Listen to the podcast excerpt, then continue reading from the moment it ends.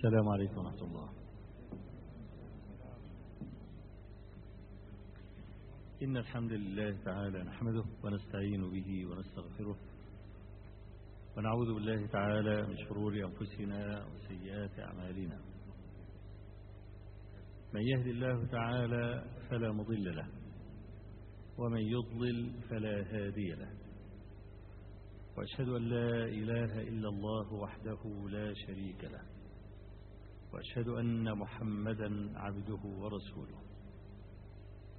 أما بعد فإن أصدق الحديث كتاب الله تعالى وأحسن الهدي هدي محمد صلى الله عليه وآله وسلم وشر الأمور محدثاتها وكل محدثة بدعة وكل بدعة ضلالة وكل ضلالة في النار. اللهم صل على محمد وعلى آل محمد كما صليت على إبراهيم وعلى آل إبراهيم في العالمين إنك حميد مجيد وبارك على محمد وعلى آل محمد كما باركت على إبراهيم وعلى آل إبراهيم في العالمين إنك حميد مجيد. سألني سائل فقال عدد لي أنواع العبودية لله تعالى. فقلت له أنواع العبودية لله تعالى كمثل أنفاس البشر. لكل أمر وضده عبودية. للفرح عبودية. وللحزن عبودية ولليقظة عبودية وللنوم عبودية وللغضب عبودية وللرضا عبودية. وهكذا دواليك حتى تستوعب كل صفات البشر. ولا بد للعبد أن يحرز نصيبا من كل عبودية. والناس يتفاوتون على حسب الهمم. فلا يتساوى مثلا الأنبياء مع غيرهم ولا يتساوى الأولياء مع من دونهم. كل بحسبه. وأضرب لك مثلا. أنتم تعرفون الفضيل بن عياض. الإمام الرباني والعلم المفرد الزاهد العابد المحدث الكبير. أحد الثقات الأثبات ممن لم يختلف أحد من العلماء على فضله وعلمه وزهده. كان له ولد يقال له علي. وكان يحبه غاية الحب. وكان علي هذا على صغر سنه من كبار الأولياء. وممن شهد لهم بالإخبات لله. وكان علي هذا يقول لأبيه الفضيل يا أبت سل الله الذي وهبني لك في الدنيا أن يهبني لك في الآخرة. وكان من رقة قلب علي هذا أنه كان إذا سمع آيات العذاب يغشى عليه. فكانت أمه أعني امرأة الفضيل. تقول للفضيل إذا رأيت عليا خلفك في الصف فلا تقرأ بآيات العذاب. وذات مرة نظر الفضيل فلم يجد عليا فقرأ آيات فيها عذاب. جاء علي متأخرا بعدما كبر أبوه. فلما وقعت هذه الآيات في سمعه أغشي عليه. هذا الولد البار المحبوب مات في حياة أبيه. فمشى الفضيل في جنازة ابنه وهو يضحك. فاستغرب بعض المتأخرين من هذا. وقالوا كيف يبكي رسول الله صلى الله عليه وسلم ابنه إبراهيم؟ بينما يضحك الفضيل في جنازة ابنه. وأيهما أولى بالرضا؟ النبي صلى الله عليه وسلم أم الفضيل؟ فوجه هذا السؤال إلى شيخ الإسلام ابن تيمية رحمه الله تعالى. لأن هنا إشكال فضيل يضحك يعني راضي. والنبي يبكي يعني كأنه غير راضي. فقال شيخ الإسلام رحمه الله كما هي عادته وكان مفتوحا عليه موفقا قال هدي نبينا أكمل. لأن نبينا صلى الله عليه وسلم أدى العبودية على وجهها. فهناك عبودية الرأفة والرحمة وهناك عبودية الرضا. فأدى عبودية الرحمة والرأفة فبكى على ابنه. وأدى عبودية الرضا فقال ولا نقول ما يغضب الرب.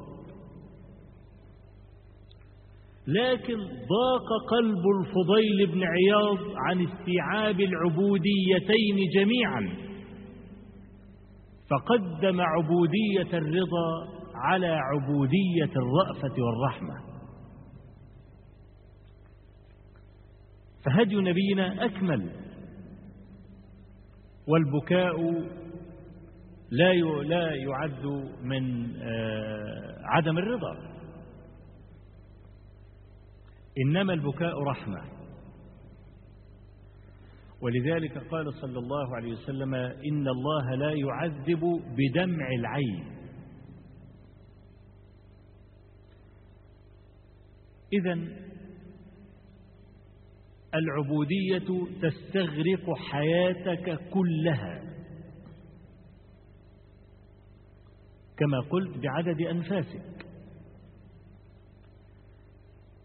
فإذا كان الأمر كذلك فلا يجوز لأحد أن يرفع قدمه أو يضعها إلا بإذن.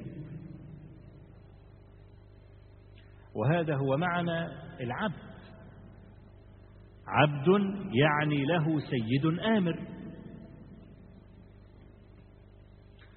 ونحن معاشر البشر فيما يتعلق بمسألة العبودية تعلقت أحكام بها. يعني مثلا لو أنك تمتلك عبدا أو أكثر. ثم قسوت على هذا العبد فهرب منك. يقول النبي صلى الله عليه وسلم في هذا العبد الذي هرب من سيده القاسي لا تقبل له صلاة ولا صيام ولا أي طاعة حتى يرجع إلى سيده. وحاطب ابن أبي بلتع رضي الله عنه كان له عبد وكان يقسو عليه. فذهب مرة إلى النبي صلى الله عليه وسلم يشتكي حاطبا فقال يا رسول الله والله ليدخلن حاطب النار. بسبب قسوته عليه. قال له كذبت إنه شهد بدرا. والنبي عليه الصلاة والسلام يقول أيما عبد تزوج بغير إذن مواليه فهو عاهر يعني زاني.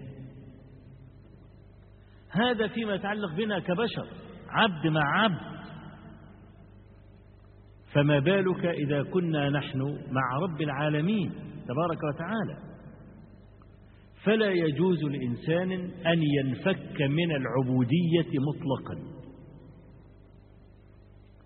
إما أن يكون عبدا بالاختيار وهذا أرفع الدرجات أو أن يكون عبدا بالقهر والإذلال. بحكم السنة العامة. إن كل من في السماوات والأرض إلا آت الرحمن عبدا. طالما أن أنواع العبودية كثيرة وأنها بعدد أنفاس البشر يبقى لا يزال المرء يتقلب في عبودية بعد أخرى وهو يسير إلى ربه. هذه الأنواع من العبودية اسمها منازل السائرين إلى الله. ينزل في منزلة أصيب بمصيبة فنزل في منزلة الحزن. فلا بد أن ينظر ما الذي يجب عليه في هذا. تبدلت مصيبته بفرح. فلينظر ما الذي يجب عليه في هذا؟ ولا يزال يتقلب كما قلت في منازل. منازل السائرين إلى الله كمثل محطات الوقود على الطريق الطويل. يعني لو افترضنا أن في طريق 600 كيلو. وليس في هذا الطريق محطة وقود واحدة. أيمكن أن تسلك هذا الطريق؟ لا تستطيع. ليه؟ لأنك أولا تحتاج إلى ماء تحتاج إلى أكل. السيارة تحتاج إلى وقود. فلا تستطيع أن تسلك هذا الطريق الطويل إلا إذا كان فيه محطة وقود. تمر على المحطة تتزود لنفسك وللسيارة ثم تمضي. إذا كاد زادك أن ينفد في محطة أخرى تأخذ زادك وتمضي. تزود السيارة بالوقود وتمضي حتى تصل إلى غايتك. فمنازل السائرين إلى الله عز وجل كما قلت لكم كمثل محطات الوقود. المنزلة التي أريد أن أتكلم عنها اليوم هي منزلة لا ينفك العبد عنها. لا في أول الطريق ولا في وسطه ولا في آخره. وهي ملازمة له كملازمة النفس له أيضا. لا يستغني العبد عنها مطلقا. ألا وهي منزلة التوبة. لماذا لا ينفك العبد عنها؟ لأن النبي صلى الله عليه وسلم قال كل ابن آدم خطاء. كلنا أصحاب ذنوب. والناس أمام التوبة والذنب ثلاثة أنواع. مذكورة في كتاب الله سبحانه وتعالى. قال الله عز وجل إنما التوبة على الله للذين يعملون السوء بجهالة ثم يتوبون من قريب. فأولئك يتوب الله عليهم وكان الله عليما حكيما. وليست التوبة للذين يعملون السيئات حتى إذا حضر أحدهم الموت قال إني تبت الآن ولا الذين يموتون وهم كفار. أولئك أعتدنا لهم عذابا أليما. الآية الثانية وليست التوبة للذين يعملون السيئات حتى إذا حضر أحدهم الموت قال إني تبت الآن. هذا نوع النوع الثاني ولا الذين يموتون وهم كفار. هذان الصنفان لا تقبل توبتهم. توبة المعاين وتوبة الكافر. المعاين الذي رأى ملك الموت. قال صلى الله عليه وسلم تقبل توبة العبد ما لم يغرغر. الغرغرة هي وصول الروح إلى الحلقوم. خلاص. ما فيش ما هي إلا كلمح البصر وتختطف روحه. الذي يقول إني تبت الآن لا يقبل منه. كتوبة فرعون. ماذا قال فرعون لما داهمه الموج؟ يا أخي حتى شوف العجرفة العجرفة بتاعت فرعون وهو يغرق. يقول آمنت أنه لا إله إلا الذي آمنت به بنو إسرائيل. مش عايز يقول إلا الله إلا الذي آمنت به بنو إسرائيل. الذي آمن به بنو إسرائيل هو من؟ ما تنفع. قل لا إله إلا الله آمنت أنه لا إله إلا الله. لا حتى العجرفة وهو بيموت بقى وأنا من المسلمين. فقال الله عز وجل له الآن. ها لسه فاكر؟ الآن وقد عصيت قبل وكنت من المفسدين. فاليوم ننجيك ببدنك لتكون لمن بعدك آية وإن كثيرا من الناس عن آياتنا لغافلون. توبة المعاين لا تقبل. وكذلك الكافر الذي يموت وهو كافر. لأن الله عز وجل في الآية الأولى يقول وهو يبين لنا الفرق بين هذين النوعين والنوع الأول. إنما التوبة على الله للذين يعملون السوء بجهالة ثم يتوبون من قريب. من قريب دي إمتى بقى؟ متى؟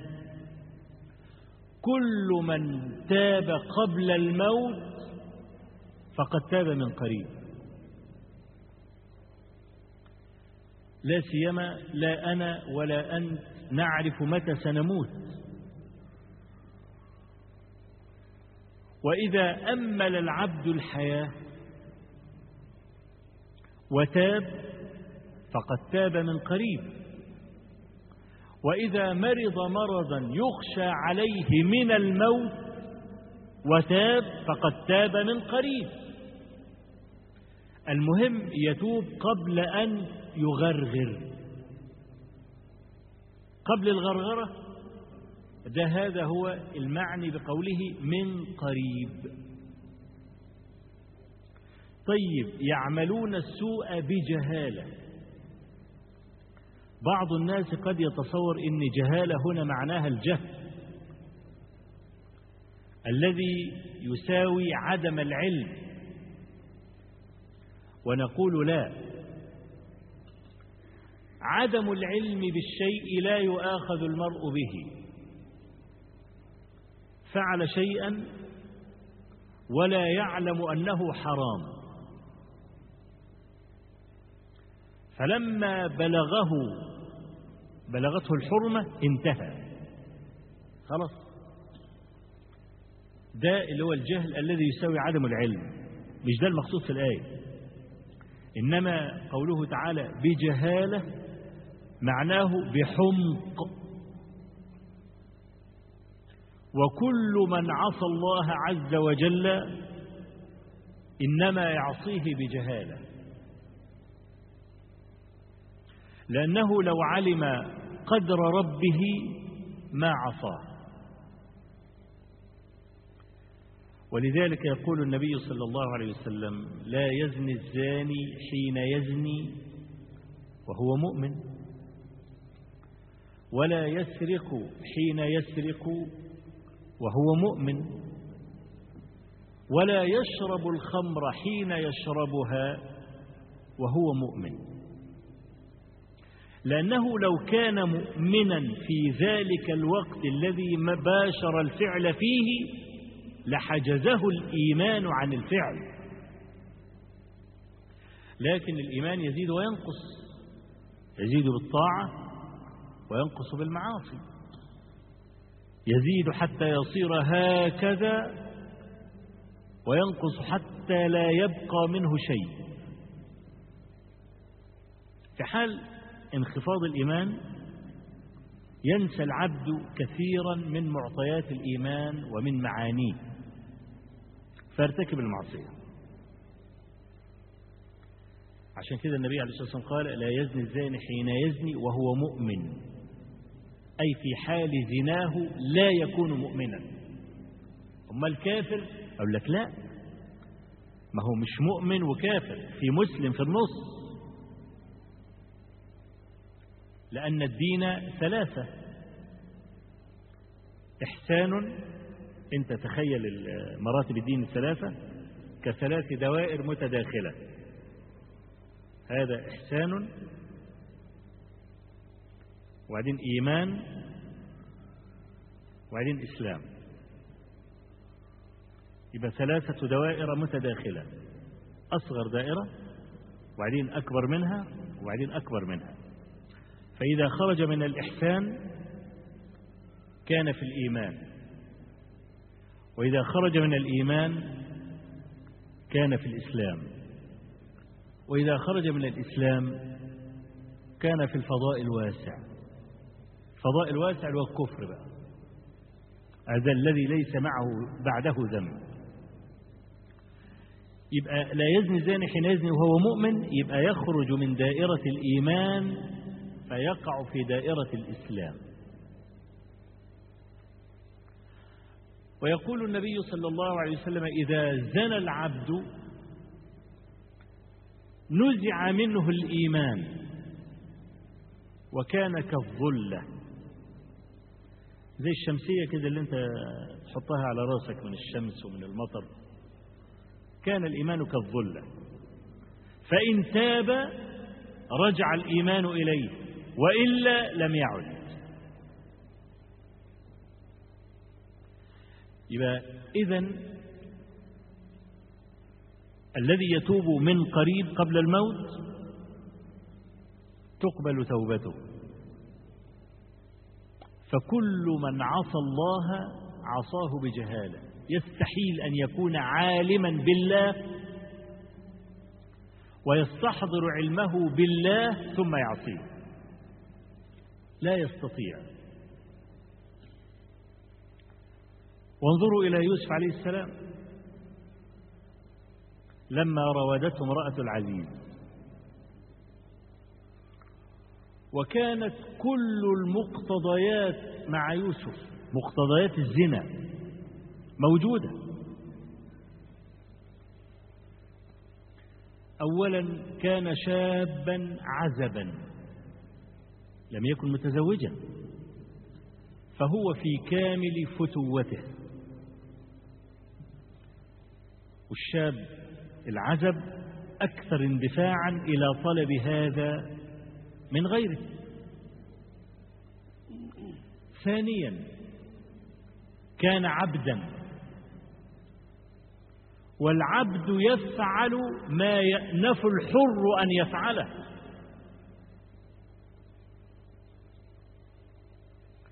ثالثا كان غريبا. والرجل يفعل في دار الغربة ما لا يستطيع أن يفعله بين أهله وإخوانه. مثل الذي يقول البلد اللي ما يعرفكش فيها حد افعل فيها ما بدالك. لا أحد يعرفه براحتك. يبقى دي ثلاث مقتضيات أهو. رابع مقتضى أن المرأة هي التي تطلب ذلك. أي رجل فاجر في الدنيا يخشى أن يراود امرأة على نفسها ربما كانت عفيفة فتصرخ وتفضحه فلا يستطيع أن يراود امرأة على نفسها إلا إذا فتحت له المرأة الباب. فيش امرأة في الدنيا كلها يمكن أن ترتكب جريمة الزنا إلا إذا كانت هي التي فتحت الباب للرجل. وإلا عد الرجل مغتصبا. لأجل هذا لما تنظر في قوله تعالى فيما يتعلق بالزنا قال تعالى الزانية والزاني. فقدم الزانية على الزاني لأن هي السبب. أما في السرقة قال والسارق والسارقة لأن اللصوص رجال. تسعة وتسعين في المية رجال. فقدم السارق هنا الرجل هو على السارقة. فلا يمكن لامرأة عفيفة أبدا إن حد ممكن يعني هنا المرأة هي التي تطلب ذلك. يبقى أمن على نفسه لأن المرأة حريصة على أن تغطي الأمر كله.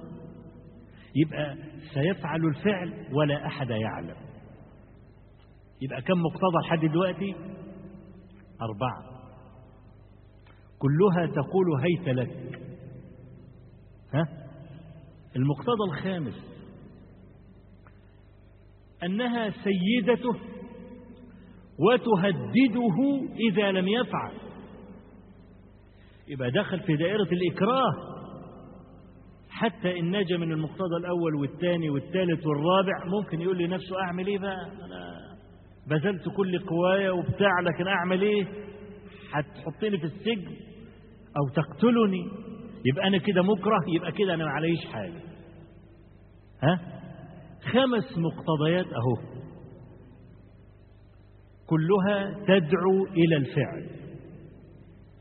ومع ذلك ما الذي قاله يوسف عليه السلام؟ قال معاذ الله إنه ربي أحسن مثواي إنه لا يفلح الظالمون. فتنة النساء لا ينجو أحد منها إلا بالله. ما فيش فينا واحد يقول أنا جدع ها؟ ولا يفتح صدره كده في في الفتنة دي. تاخده على طول. كلنا. إلا أن يعصمه الله. فيوسف عليه السلام معصوم. لأن الله عز وجل قال فيه إنه من عبادنا المخلصين. مش المخلصين. لا هناك فرق بينهما. كالفرق بين القدم والفرق. عارف الفرق بين القدم والفرق؟ القدم أنت عارف؟ والفرق اللي هو فرق الشعر يعني. يعني كالفرق بين الرأس وبين القدم. المخلصون بفتح اللام أي الذين أخلصهم الله لنفسه وانتقاهم وعصمهم وصانهم. دول الشيطان لا يستطيع أن يفعل معهم شيئا لأن الشيطان قال إلا عبادك منهم الإيه؟ المخلصين. دول لا أستطيع أن أقترب منهم. ليه؟ لأنهم في حمى الملك. إنما المخلصون بكسر اللام من أخلص نفسه لله. فممكن إيمانه ينزل يرتكب المعصية. خلاص؟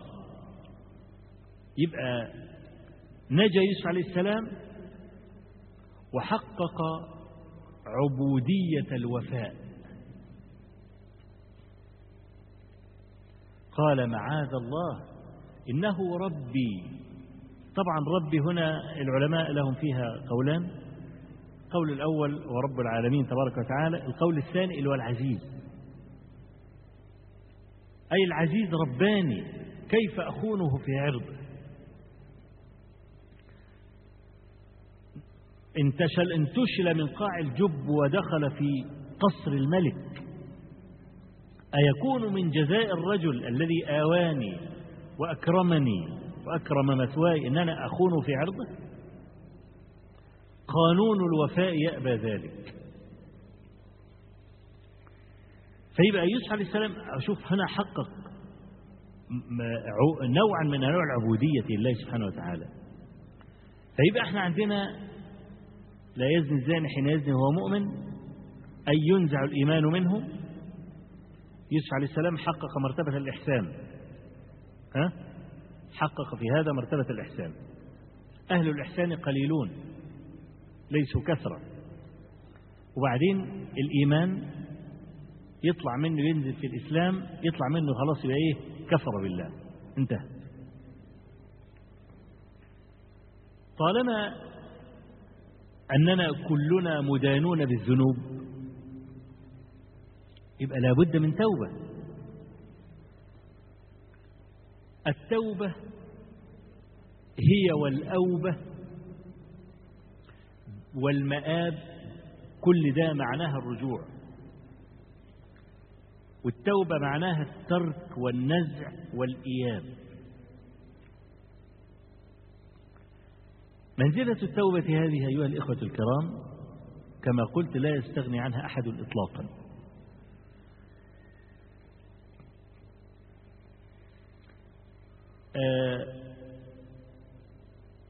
لو لم يكن من فضلها إلا أن يفرح الله بك لكان كافيا. قال صلى الله عليه وسلم في الحديث الذي رواه جماعة من الصحابة منهم أنس رضي الله عنه وغيرهم والحديث الصحيحين. والسياق لمسلم. قال صلى الله عليه وسلم لله أفرح بتوبة عبده. من أحدكم كان بأرض فلاة هيضرب المثل.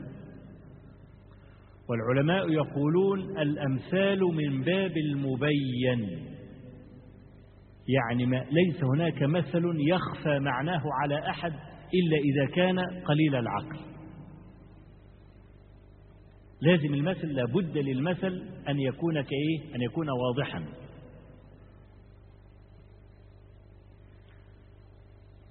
كرجل بأرض فلاة. الأرض الفلاة اللي الصحراء التي لا آخر لها. لا تعرف فيها شيئا. لا تعرف يمين من شمال ولا جنوب من شرق من غرب ولا عارف حاجة خالص. هذا الرجل كان يركب راحلة ومعه زاده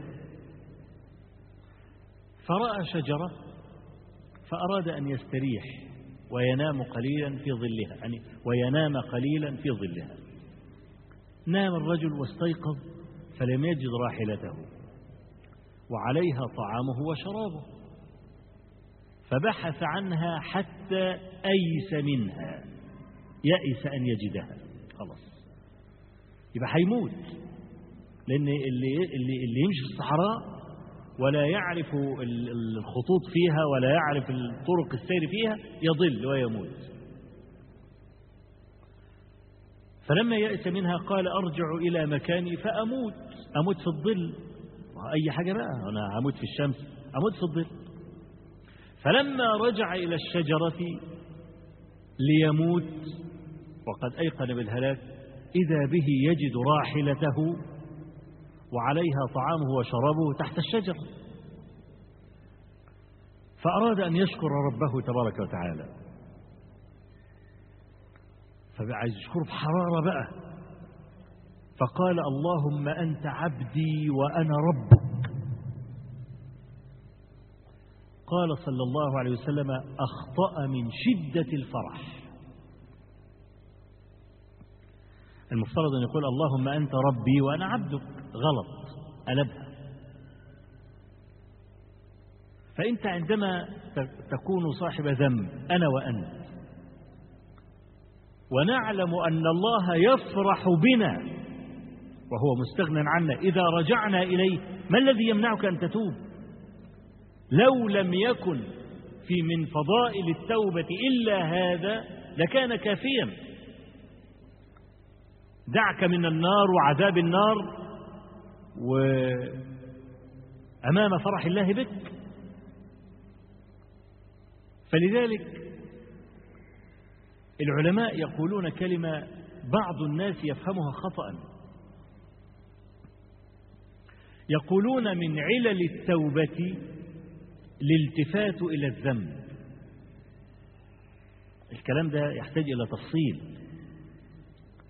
يعني إيه من علل التوبة الالتفات إلى الذنب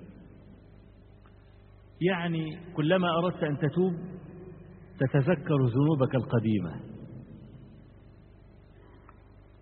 رجل متلبس بمعاصي زنا وشرب خمر وقتل وسرقة وحشيش وبنج الكلام ده. إذا أراد أن يتوب قال له الشيطان تتوب؟ تتوب من إيه ولا إيه ولا إيه ولا إيه؟ ده أنت سنتك طين لن يقبل منك. تتوب إزاي؟ ألا تذكر يوم كذا وكذا فعلت كذا وكذا ويوم كذا وكذا فعلت كذا وكذا؟ فيقوم هذا يحمل العبد على أن ييأس من التوبة. ويظن أنه لن يقبل منه فيتمادى في العدوان. أهو ده معنى الكلام. من علل التوبة الالتفات إلى الذنب. ولكن الكلام أنا كما قلت لكم فيه تفصيل. بمعنى إيه؟ بمعنى ليس كل الناس هذا الرجل. لا هناك ناس من أصحاب العزائم وناس من أصحاب الهمم. إذا التفت إلى ذنبه جد في العمل حتى يتخلص منه. ثم يلتفت فيجد ذنبه فيجد في العمل أكثر حتى يتخلص من الذنب.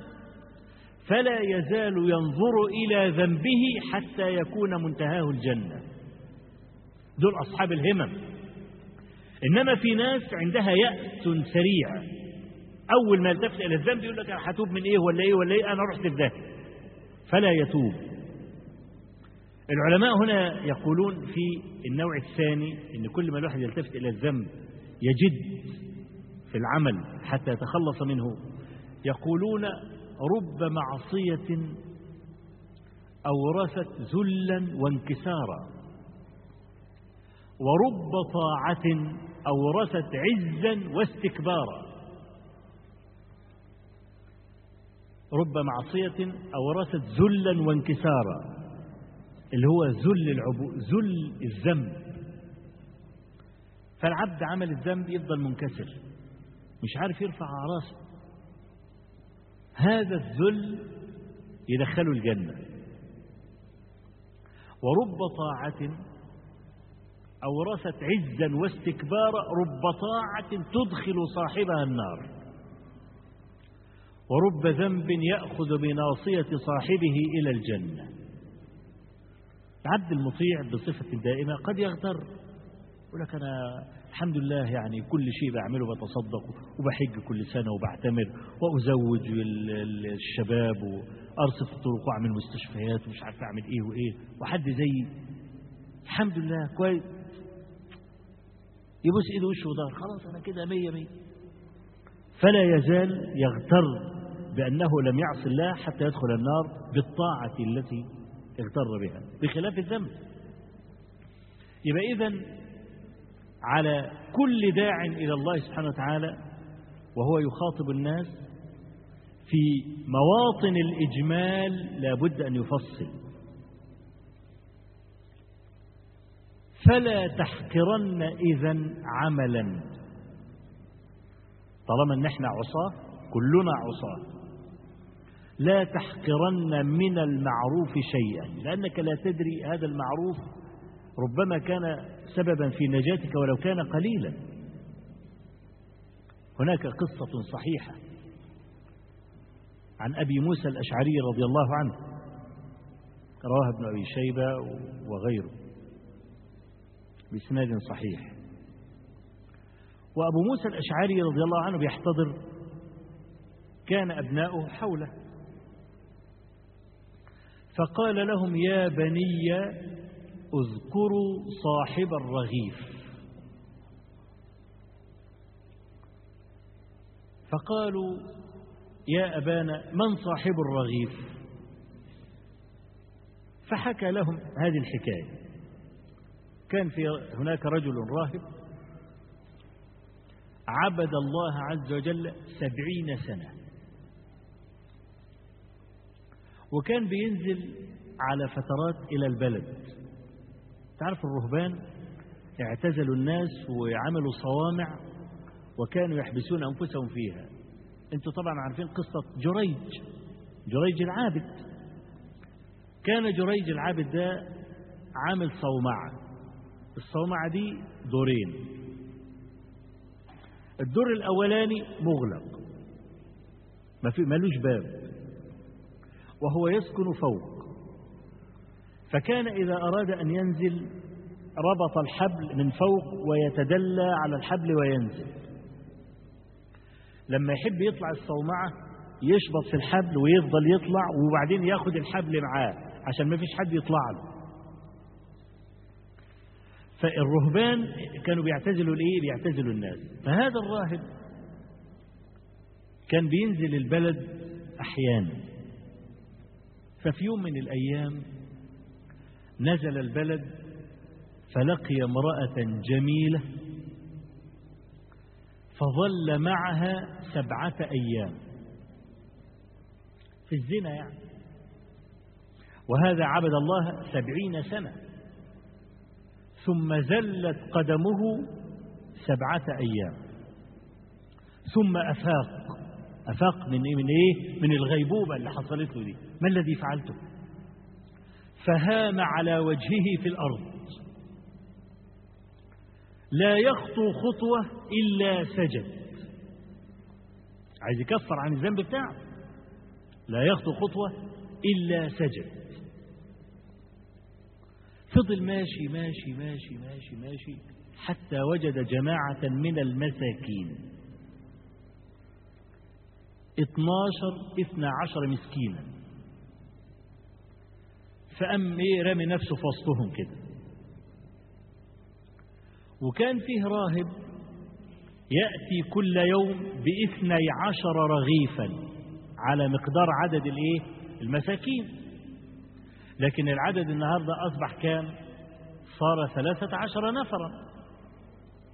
فالراهب بيجي يرمي كل واحد الرغيف بتاعه. والضيف الجديد أخذ رغيف. فبقي واحد بلا رغيف فقال هذا الواحد للراهب أين رغيفي؟ قال أنا ما كتمت عنك شيئا. هم 12 رغيف بجيبهم كل يوم وزعتهم لا رغيف لك عندي.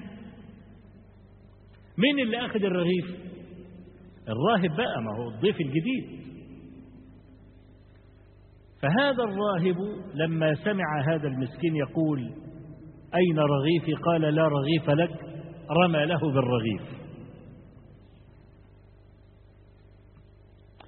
فمات هذا الراهب. فوزنت عبادة سبعين سنة بسبع ليال في الزنا فرجحت السبع ليال. تصور سبع ليالي ضيعت عبادة سبعين سنة. ووضع الرغيف في مقابل هذه السبع ليال فرجح الرغيف. فنجا ليس بعبادة سبعين سنة إنما برغيف.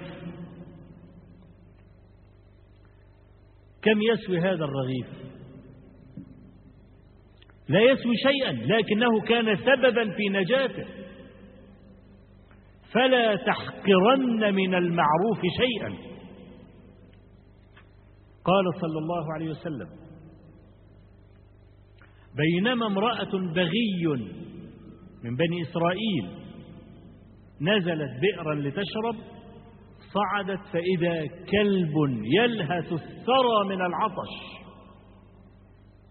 فنزعت موقها الحذاء بتاعها. ملأته بالماء. فسقت الكلب فشكر الله لها فغفر لها. امرأة بغية يعني إيه؟ يعني تتاجر بعرضها. شغلتها كده. تعمل بالزنا. بقى لها عشرين سنة بقى لها ثلاثين سنة. سقيا كلب. تسقط عنها كل هذه الأوزار. ده إحنا بيننا وبين نفسنا كده ممكن نقول لك لو سقط كلاب الدنيا لا تسقط مرة واحدة من الزنا. دي سقط كلبا كلب. فكان سببا في دخولها الجنة. والنبي صلى الله عليه وسلم يقول بينما رجل يمشي إذ وجد غصن شوك فنحاه جانبا فشكر الله له فغفر له. إيه غصن شوك يعني؟ هيدخل في رجل واحد. أنت وأنت ماشي في الطريق ممكن تلاقي بعض الزجاج المكسور. بطريقة لا إرادية عفوية كده بص هيك وطيت كده وقمت واخد الزجاج ده ركنه على جنب. مالكش نية ولا ليك حاجة ولا الكلام بس عشان ما يدخلش في رجل واحد يعوره. تصور إن مثل هذا الفعل قد يغفر لك الذنب الكبير بسببه؟ إن آدم عليه السلام خرج من الجنة بذنب واحد. وإبليس صار خالدا في النار بذنب واحد. فما يؤمنك أن تؤخذ بالذنب الواحد؟ لا تحقرن ذنبا تفعله ولا تحقرن مطلوب معروفا تفعله. أنت محتاج إلى كل شيء. وأنت لا تدري الموازين كيف هي. أنتم عارفين قصة أصحاب الغار. الثلاثة الذين نزلت عليهم الصخرة. هؤلاء الثلاثة هم فعلوا أشياء لا يكاد أحد يفعلها. الرجل الأول قال اللهم إن كنت تعلم أنه كان لي أبوان شيخان كبيران. وكنت لا أغبق قبلهما أهلا ولا مالا. الغبوق شراب اللبن بالليل والصبوح شراب اللبن الصبح. فهذا الراعي راعي الغنم بيطلب المرعى. بيفضل ماشي ماشي ماشي حتى يجد مرعى. ففي يوم من الأيام لم يجد المرعى قريبا. ابتعد ومشى مسافة طويلة جدا. وبالتالي وهو راجع قطع نفس المسافة الطويلة. فلما رجع وجد أبويه قد ناما قال فوقفت والإناء على يدي وكرهت أن أوقظهما. يعني فيفسد نومهما. وأبنائي يتضاغون تحت قدمي. يتضاغون يبكون من شدة الجوع. وكل واحد ماسك في رجلين إيه؟ أبوه اللي ماسك في القميص بتاعه الملابس واللي ماسك في رجليه وبيبكوا عايزين يشربوا. قال وكرهت أن يشرب أحد قبلهما. فظللت هكذا واقفا حتى برق الفجر. اللهم إن كنت تعلم أنني فعلت هذا ابتغاء مرضاتك ففرج عنا ما نحن فيه. فانفرجت الصخرة قليلا غير أنهم لا يستطيعون الخروج. أولا لو سقى الولد أبناءه قبل أبويه حرام عليه؟ أبدا. بالعكس ده أنا أنا أنا ما زلت مستغربا من من جسارة قلب هذا الولد. لأن الأب مننا لا يكاد يحتمل بكاء ولده. لأن محبة الوالد للولد محبة فطرية. ومحبة الولد للوالد محبة مكتسبة. والفرق بينهما كما فرق بين السماء والأرض.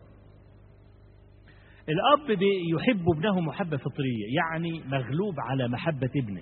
تلاقي الولد فاسد وماشي غلط وجايب الفضايح لأبيه. كل يوم اسم الشرطة يبعت له الولد سرق الولد عمل الولد شرب بانجو الولد مش عارفين الولد كذا. وأبوه ممكن يكون إنسان محترم وله مركز اجتماعي والكلام ده. ومع ذلك يأتيني مثلا يقول لي الله يا عم الشيخ الولد كل يوم مبهدلني و... واسم الشرطة يبعتوني مش عارف إيه بتاع. أعمل إيه فيه؟ أقول له اطرده. يقول لي ما أقدرش. أطرده أوديه فين؟ قلبي ما يجيبنيش. لا أستطيع أن أطرد الولد. ها؟ وهو مبهدله. لا أستطيع أن أطرد الولد. يمرض الولد. فينفق والده كل أمواله عليه.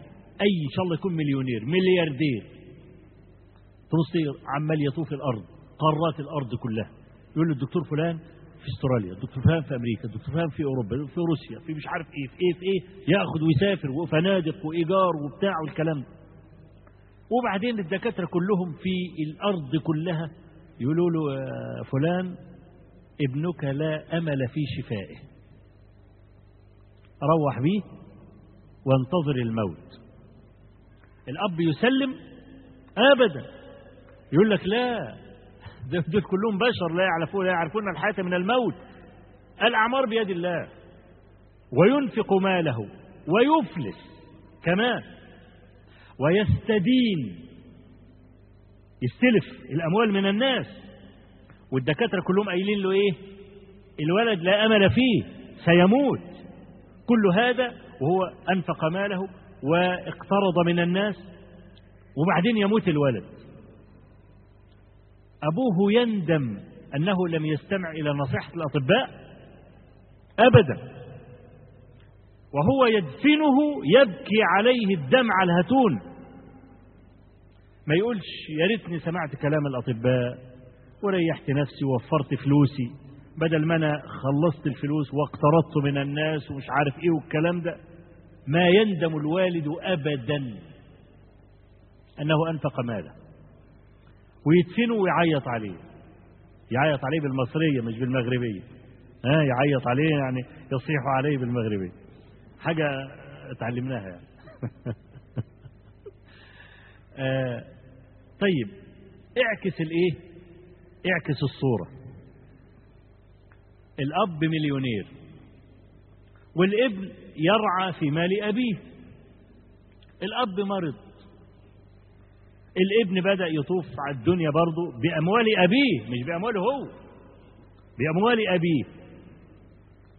يوم واحد يقابله ويقول له ما أخبار أبيك؟ يقول يا أخي والله ادعي له ربنا يريحه. يريحه؟ يعني إيه يريحه؟ يعني يموت. طب يا أخي طالما كلمة طلعت منك قل ادعو الله أن يشفيه. ولذلك لا تجد والدا يقتل ولده إلا إذا جن. إنما الابن ممكن يقتل أبيه ليرث. أبوه يهون عليه.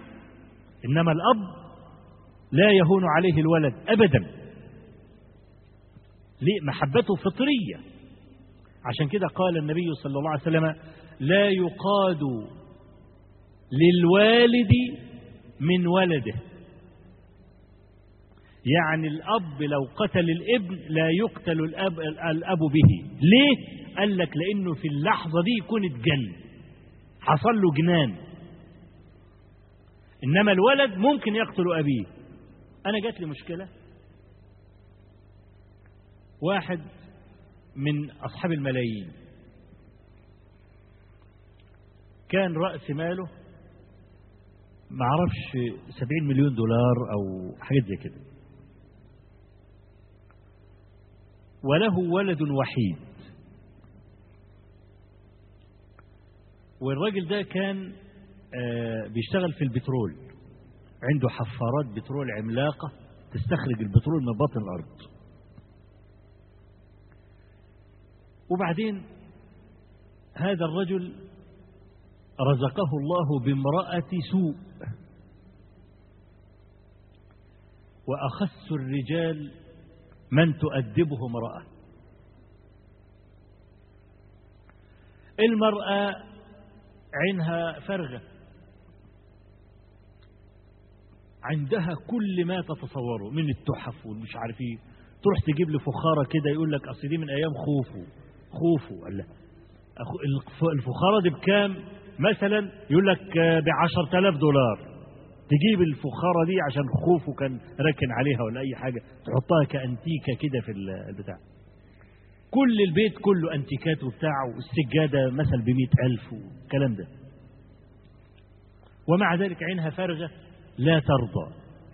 فأنت عارف بقى الأم بقى لما يكون إيه غضبانة من زوجها الزوجة لما تكون غضبانة من زوجها تقعد تعيط للولاد تبكي له وأبوك عمل فيا وخلى فيا والله لولاك. ما كنت قعدت معاه ثانية واحدة. كنت طلقت منه واستريح بس اللي خلاني أصبر على المر انت. يوم الولد يطلع شارب من أمه. كل شوية تعيط تبكي. مش عايز أقول تعيط أحسن هندخل في كل شوية تبكي وبتاع ومش عارف إيه وكام الولد طلع إيه كاره لأبيه. طب الولد الوحيد ده لو الأب مات مش هو اللي هيورث؟ لا استعجل. أم رافع على أبيه قضية حجر إنه مجنون ولا يجوز له أن يتصرف في الأموال. طب يا ابني ما أبوك هيموت ما أنت اللي هتاخد الفلوس. هو مين الذي سارس أنت الذي سترث استعجل بقى. وراح للقضاة وده ده 10 مليون وده 3 مليون وده 4 مليون وعملوا قضية حجر على مين؟ حجر على الوالد.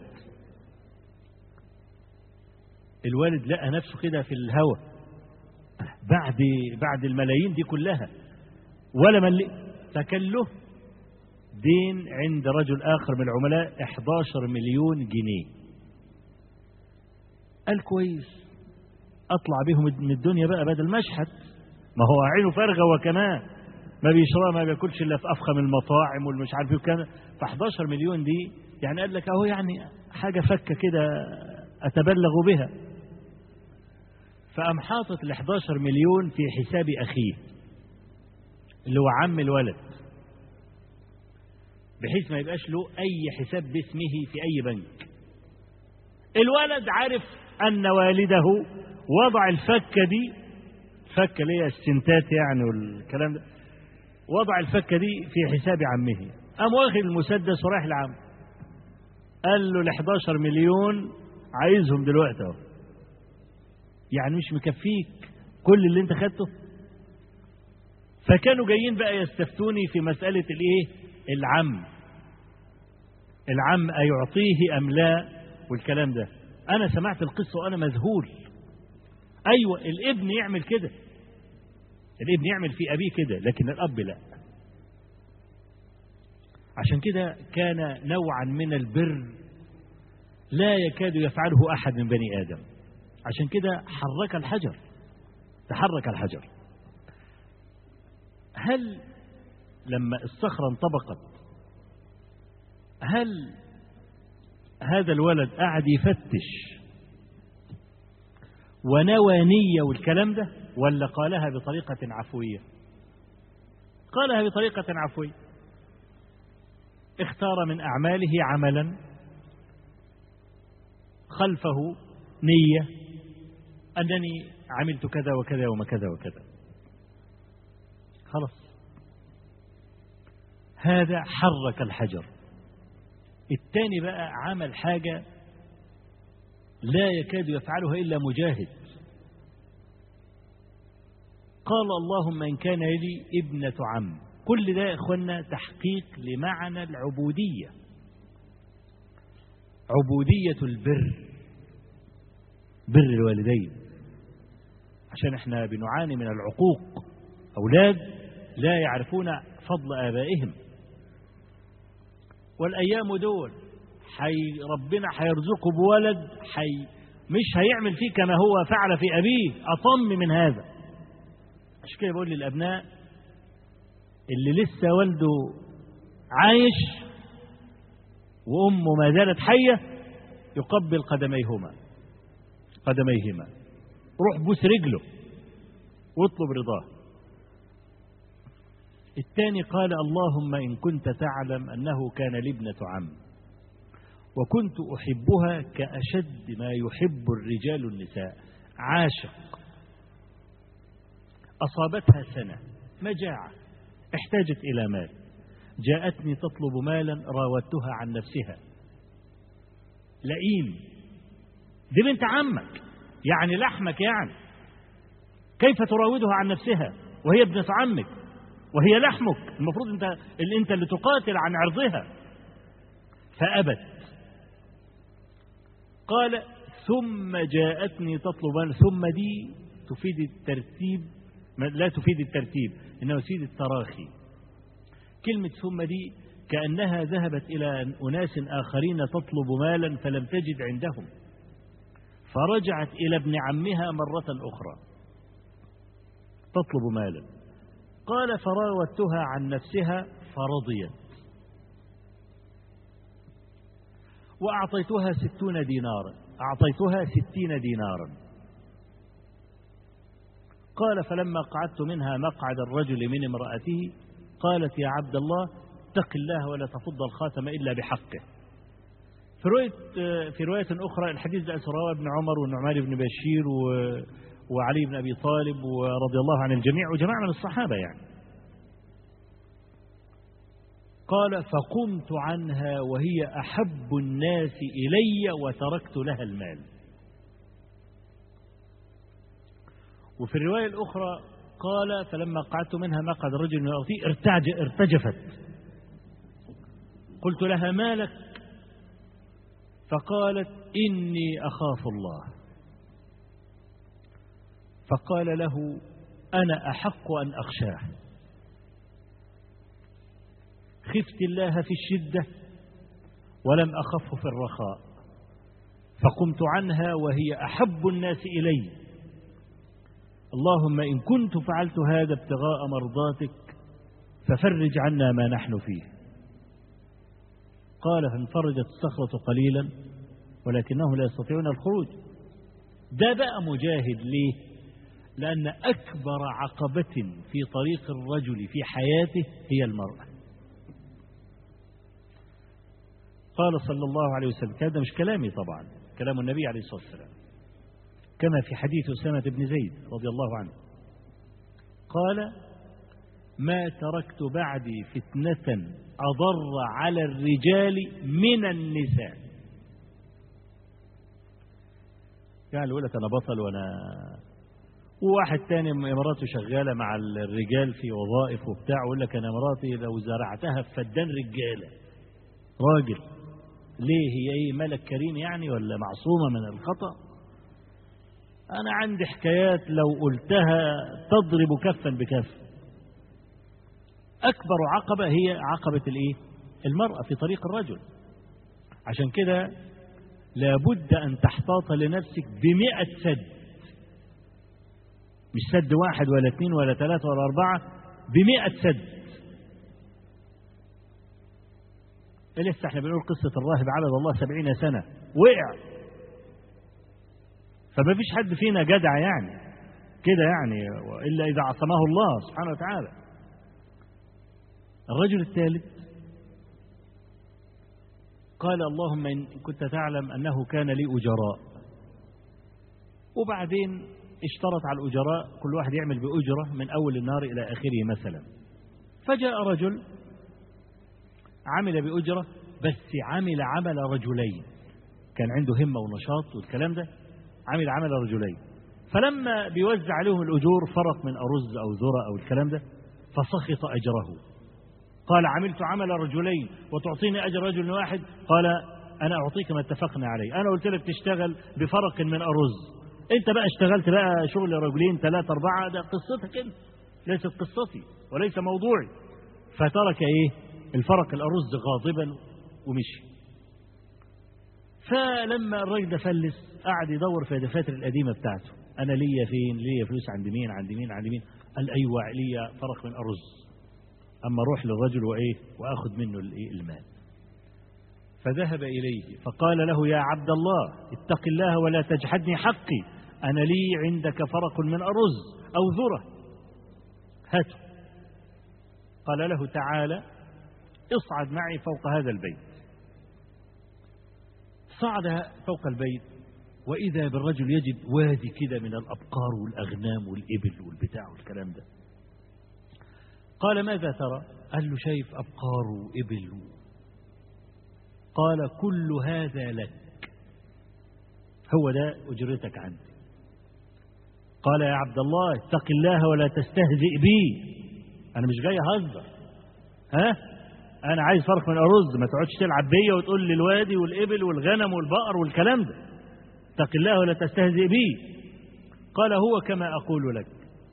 طب الرجل ده عمل إيه؟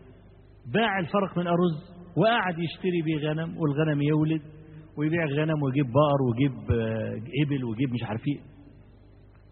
فلما علم الرجل إن كل ده بتاعه قام واخده كله. طب يا أخي خلي عندك شوية وسيب له نص الحاجة على أساس إنه تعب فيها ورباها ونماها والكم لا ما ترك له غنمة واحدة. طيب ما هو ربنا عز وجل لما وصف الإنسان قال وإنه لحب الخير لشديد. كلنا بنحب الفلوس موت. ها؟ اوعى واحد يقول لك إيه أصل الفلوس ما بيحبهاش ومش عارف إيه الكلام ده. لا كلنا بنحب الفلوس. وسفيان الثوري على ورعه وزهده وعبادته رأوه مرة في السوق يشتري ومعه دنانير. فقالوا يا أبا عبد الله أمعك هذا؟ وأنت يعني زاهد عابد والكلام ده. أنت برضو زينا كده برضو معاك فلوس وبتروح السوق وتشتري وتاكل اللي نفسك فيه والكلام ده؟ فقال له اسكت. لولاها أي لولا المال لتمندل بنا الملوك. كانوا عملونا زي المناديل. المنديل انت بعد ما بتنشف وبتمسح بيه بتوديه فين؟ تحطه على الرف؟ في الدولاب؟ ولا بترميه في الزبالة؟ ترميه في الزبالة. فلولا هذا المال الذي حفظ الله به ماء وجوهنا لتمندل بنا الملوك. فكلنا بيحب الفلوس. وكلنا يحب المال. طب كيف تغلب هذا الرجل على هذه الأثرة وحب المال وأعطاه المال كله ولم يأخذ منه شيئا؟ ده عبد بقى حقق عبودية الايه الإيثار زي ما العبد اللي قبليه حقق عبودية العفة. فهذا نوع من البشر. أنا في فهمي لا أظن أن الواحد منهم تأنق كثيرا في البحث عن عمل يقول أنا عملته كده قاعد يدور. إنما قال على إيه؟ على سجيتي الكلام ده كله أنا أرجعه إلى قولي لا تحقرن من المعروف شيئا. غصن شوك ممكن يكون سبب في نجاتك. ترى أن إحنا كلنا أصحاب ذنوب. قل أي شيء مفيد. مر بأي معروف وإن كان قليلا. انهى عن أي منكر وإن كان قليلا. لا تترك شيئا إلا وتضرب فيه بسهم. إما أن تقف على حدود ربك فلا تتجاوزها وإما أن تفعل معروفا. يبقى إحنا كده حققنا إيه؟ حققنا منزلة التوبة. توبة تحتاج كما قلت لكم دائما إلى عمل عمل مستمر سواء كان صغيرا أم كبيرا. فأنت لا تدري أيقبل الله عملك أم لا. ولا تنظر إلى عملك أبدا. على أساس أنك تأنقت وعملت. في حديث مشهور بس ضعيف. أنا لا أسوقه على أنه حديث وبه أختم الكلام. آه لكن أسوقه كحكاية مقربة يعني. الحديث ده رواه الحاكم وغيره. أن رجلا عبد الله في جزيرة في البحر ستمائة عام. أنبت الله له من الصخر قحفا من الرمان. شجرة رمان طلعت في الصخر كده. وأخرج له من الماء المالح بمقدار الإصبع ماء عذبا. كان يأكل الرمان ويشرب ماء ويصلي. وسأل الله عز وجل أن يقبضه إليه وهو ساجد. وتحققت الإيه؟ أمنيته وقبض وهو ساجد. فقال الله عز وجل أدخلوا عبد الجنة برحمتي. قال لا بعملي. أدخلوا عبد الجنة برحمتي لا بعملي برحمتي لا بعملي. خلاص. طالما إن أنت عايز تدخل الجنة بعملك قايسوا نعمي على عبدي. مسألة مسألة موازين. حطوا نعمة نعمي على عبدي في كفة وهاتوا العبادة بتاعته حطوها في كفة. فبدأوا بنعمة البصر. وضعوها في كفة وجابوا عبادة 600 سنة وحطوها في الكفة الثانية ولا الميزان اتهز. ها؟ حتى ما عملش كده. فطاشت عبادة 600 عام في مقابل نعمة البصر فقط. فسحبوه إلى النار. وهو اللي جاب لنفسه فجعل يقول يا رب برحمتك برحمتك. مش بعملي ولا حاجة برحمتك. قال أرجعوه. قال عبدي من خلقك ولم تك شيئا؟ برحمتي أم بعملك؟ قال برحمتك يا رب. قال من أخرج لك قحف رمان من الصخر. برحمتي أم بعملك؟ قال برحمتك يا رب. قال من أخرج لك الماء العذب من الماء المالح. برحمتي أم بعملك؟ قال برحمتك يا رب. قال من قواك على عبادة ستمائة عام؟ برحمتي أم بعملك؟ قال برحمتك يا رب. قال فبرحمتي ادخل الجنة يا عبدي كنت نعم العبد. فلا يفتخرن أحد بعمله. كما قلت قبل ذلك رب طاعة أورثت عزا واستكبارا أهو ده نموذج للعز والاستكبار الذي جاء بسبب الطاعة.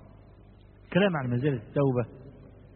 والكلام عن عدم احتقار العمل سواء كان رديئا أو كان جيدا كلام طويل. إنما أردت أن أكون تذكرة لنفسي أولا ثم تذكرة الإخوان وأسأل الله تبارك وتعالى أن ينفعني وإياكم بما علمنا وأن يعلمنا ما جهلنا وأن يجعل ما قلته لكم زادا إلى حسن المصير إليه وعتادا إلى يمن القدوم عليه إنه بكل جميل كفيل. وهو حسبنا ونعم الوكيل وصلى الله وسلم وبارك على نبينا محمد والحمد لله رب العالمين.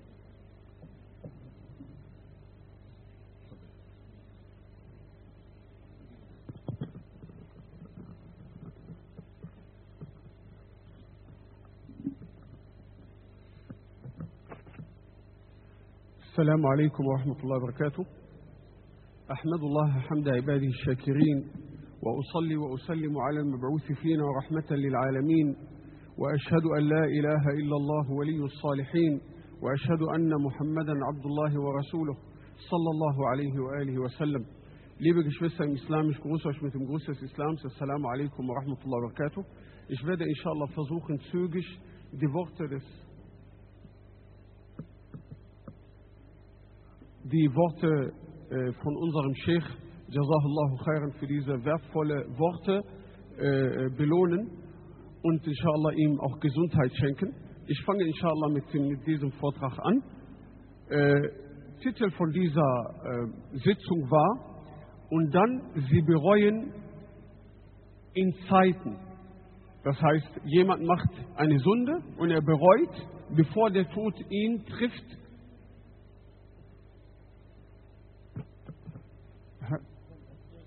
Ja, ist, ja, ist gut, okay.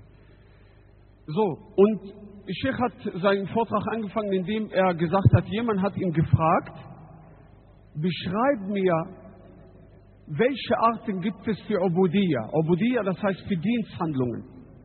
Dann sagte er, die Arten von Obudiyya sind so viel wie die Atemzüge, die du hast. So viele sind das. Das heißt, die kann man nicht einschränken. Genauso, es gibt eine Ubudiyya bei der Trauer und es gibt eine Ubudiyya bei der Freude. Und jeder von dieser Ubudiyya, das heißt, wenn du traurig bist, gibt es auch eine Art und Weise, wie du dich verhalten sollst bei dieser Trauer. Und wenn du dich freust, gibt es auch Regeln, wie du dich verhalten sollst. Und wenn du sauer bist, wie du dich verhalten sollst. Und wenn du zufrieden bist, wie du dich verhalten sollst. Und so weiter. Der Mensch, der Diener Allah subhanahu wa ta'ala, sollte versuchen, in jedem Bereich der Ubudiyya einen Anteil zu gewinnen, etwas zu erlangen. Und da, wir sollten auch wissen, dass wir Menschen untereinander auch verschieden sind. Zum Beispiel die Propheten in ihrer Ubudiyya sind nicht zu vergleichen mit normalen Menschen und so weiter. Zum Beispiel, viele von uns kennen einen gesegneten Mann, jemand, der wirklich als sehr, sehr gottesfürchtig gilt. Jemand als sehr gottesfürchtig gilt, und das ist Al-Fudail ibn Iyad. Dieser Mann, der sehr gesegnet war und eine ziemlich gesegnete Geschichte äh, hinterlassen hat, hatte einen Sohn, der hieß Ali.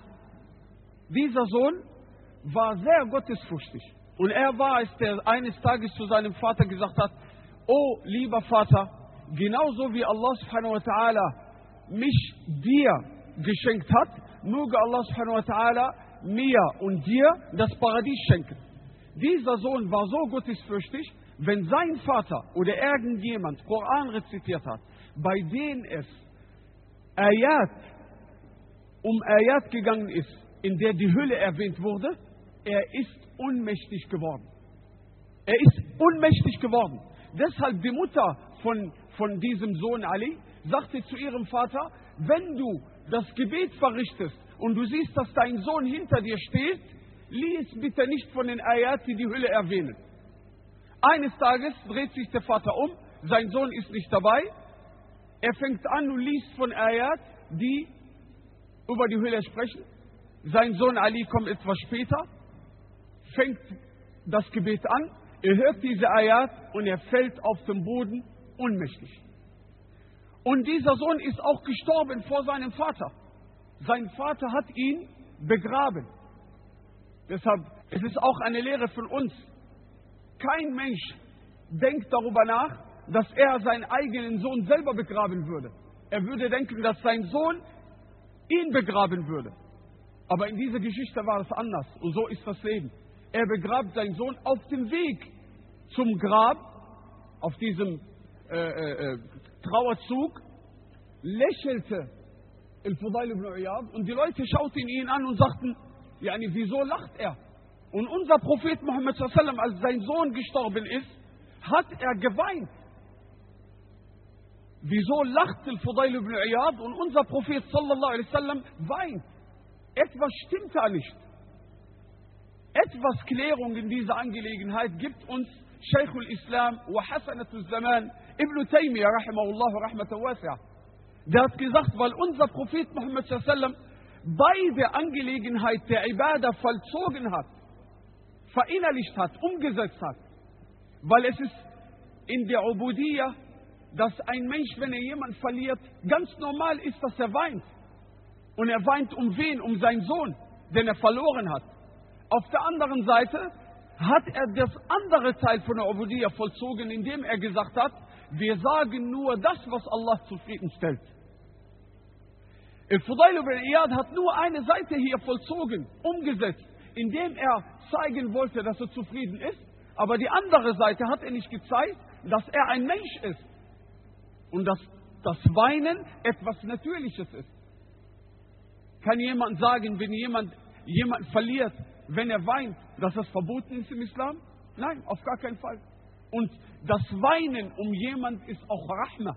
Es ist eine Barmherzigkeit. Der Prophet Muhammad in einem anderen Hadith, als jemand gestorben ist und man hat ihn weinen sehen, sagten sie, ja Rasulallah, du weinst, sagt ihr, das ist Barmherzigkeit. Das ist Barmherzigkeit. Deshalb unser Prophet Muhammad hat die Ubudiyya vollzogen, wie es wirklich sein sollte. Und er hat beide Anteile oder Seiten der Ubudiyya vollzogen. Und die Ubudiyya, dieser Dienst, dieser Dienst an Allah subhanahu wa ta'ala, bedeutet dein ganzes Leben. Mit dem letzten Atemzug, den du atmest auf dieser Erde, mit diesem Leben, so endet die Ubudiyya gegenüber Allah subhanahu wa ta'ala. Und es gibt eine Ubudiyya, die kein Ende hat. Und sie begleitet dich. Wie deine Seele dich begleitet, wie dein Herz dich begleitet, begleitet dich eine Ubudiyya und das ist die Tauba. Und die Tauba bedeutet in der arabischen Sprache die Rückkehr. Die Rückkehr zu Allah subhanahu wa ta'ala. Das Unterlassen dessen, was Allah subhanahu wa ta'ala verboten hat. Deshalb zur Ubudiyya gehört das, dass du keinen Schritt machst. Das heißt, deinen Fuß hochhebst oder auf den Boden setzt, außer mit einem Befehl. Das bedeutet Abd. Was bedeutet Abd? Dass du ein Herr hast. Viele sagen, ich bin Abdullah, ich bin der Diener Allahs. Aber was bedeutet das? Es bedeutet, dass ich einen Herr habe. Und wenn ich einen Herr habe, ist das natürlich so zu verstehen, dass er mir befiehlt, was ich zu tun habe und was ich zu unterlassen habe. Und in Bezug auf die Ubudiyya gibt es auch Urteile und Gesetze in der islamischen Religion. Zum Beispiel in Bezug auf einen Sklaven. Und natürlich, wir leben in dieser Zeit nicht, aber es gab eine Zeit, wo es Kriege zwischen Muslime und Nichtmuslime gegeben hat und es gab auch Sklaven, es gab auch Gefangene. Rasul hat gesagt zum Beispiel, wenn man einen Sklaven hat, einen Kriegsgefangenen, und dieser Kriegsgefangene hat den Islam angenommen und er haut ab oder er heiratet ohne die Zustimmung seines Herrn, er ist ein Sünder. Und es wird von ihm kein Gebet und keine Sadaqa und etwas angenommen, bis er zurück zu seinem Herr zurückkehrt. Das ist in Bezug auf die Menschen. Wie ist das in Bezug auf Allah subhanahu wa ta'ala? Wenn du weißt, dass du ein Abd bist, dass du ein Diener Allahs bist, dann solltest du wissen, dass er subhanahu wa ta'ala derjenige ist, der dir erlaubt und der dir verbietet. Und das ist das Verständnis von der Ubudiyya in Bezug auf Hatib ibn Abi Balta, radiallahu anh. Er hatte ja einen jungen äh, Sklaven, den er sehr oft geschlagen hat. Und dieser ist gekommen zum Propheten Muhammad sallam, sagte, ja Rasulallah, dieser wird bei Allah nicht ins Paradies eintreten. Dann sagte du hast gelogen. Warum? Weil dieser Mann war bei der Schlacht von Badr. Und bei der, wer, und das ist die einzige Schlacht, zu der die Männer zugeschrieben werden. Es gibt keine andere Schlacht außer dieser Schlacht. Wer an dieser Schlacht teilgenommen hat, wird genannt Al-Badri. Dann sagte Rasul sallam, du hast gelogen, denn er war und hat Anteil an der Schlacht von Badr teilgenommen. Wenn wir über die Ubudiyya reden, gibt es auch zwei Sorten von Menschen. Es gibt Leute, die es freiwillig wählen, den Weg Allahs zu gehen und dass sie sagen, okay, ich bin ein Diener Allahs und ich habe ein, ein Herr und ich gehe diesen Weg. Ich freiwillig. Und es gibt andere, sie werden gezwungen. Auch wenn der Mensch heute in diesem Leben sein Leben lebt und er denkt, ich mache, was ich will und ich, ich tue, was ich will und er behauptet, er hat keinen Herr und keiner wird ihn zur Rechenschaft ziehen. Nein, nein, es wird ein Tag kommen, an dem die Menschen aus ihren Gräbern rauskommen und dann wird dieser feststellen, dass er doch ein Herr hat. Und er wird das selber, er, er wird das selber zugeben. Deshalb, es gibt Menschen, die es freiwillig auswählen und es gibt andere, die nur gezwungen äh, zurück zu Allah subhanahu wa ta'ala kehren. Wenn wir über die Ubudiyya reden, gibt es Stufen. Stufen. In jeder Ubudiyya gibt es Stufen. Und die Gelehrten nennen das die Stufen derjenigen, die auf dem Weg zu Allah subhanahu wa ta'ala sich begeben. Weil jeder von uns geht den Weg zu Allah subhanahu wa ta'ala auf eine bestimmte Art und Weise. Entweder geht er die Stufen runter, indem er sich in die Hölle bringt, oder er geht die Stufen höher, indem er sich rettet und ins Paradies kommt.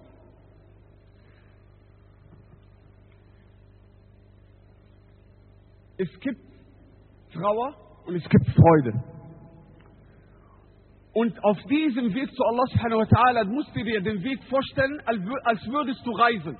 Stell dir mal vor, jemand reist jetzt von München, von hier zum Beispiel nach Belgien, nach Brüssel. Wie viele Kilometer sind das? Über 700. Und er wusste, dass auf diesem Weg von München nach Brüssel keine Tankstellen gibt, damit er tankt, damit, damit er ankommt. Er würde den Weg nicht beschreiten. Warum? Weil dieser Weg, den wir auf, zu Allah subhanahu wa ta'ala nehmen, er sieht so aus, als würden wir immer an Tankstellen Halt machen und immer tanken. Gottesfurcht tanken, äh, äh, den Iman stärken, tanken, Gottes, äh, ähm, dass wir uns stärken, indem wir gegenüber Allah subhanahu wa ta'ala die Sünden unterlassen so gehen wir auf den Weg zu Allah subhanahu wa ta'ala. Aber derjenige, der diesen Weg beschreitet und er weiß nicht, was ihn erwartet auf diesem Weg und er kann nicht tanken, der wird nicht ankommen. Und der wird nicht heile ankommen. Wie willst du ankommen und sicher ankommen? Du solltest dir den Weg zu Allah subhanahu wa ta'ala sehr, sehr gut merken, damit du weißt, wie du ankommen sollst. Und habt ihr jemals gehört, dass jemand einen Weg beschreitet, der so weit ist, ohne sich vorher zu, vorzubereiten. Heute, wenn du irgendwo hinfahren möchtest, da fragst du schon die Leute, hast du vielleicht ein Navigationssystem? Er geht, er druckt sich den... Warum? Er möchte ankommen. Aber wie kannst du zu Allah subhanahu wa ta'ala diesen Weg beschreiten, ohne dass du dir Gedanken darum machst, wie du ankommst bei Allah subhanahu wa ta'ala?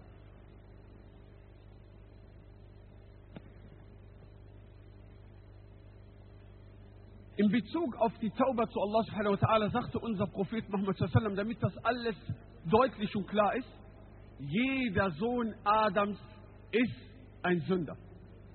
Und die besten Sünder sind jene, die Tauba vollziehen.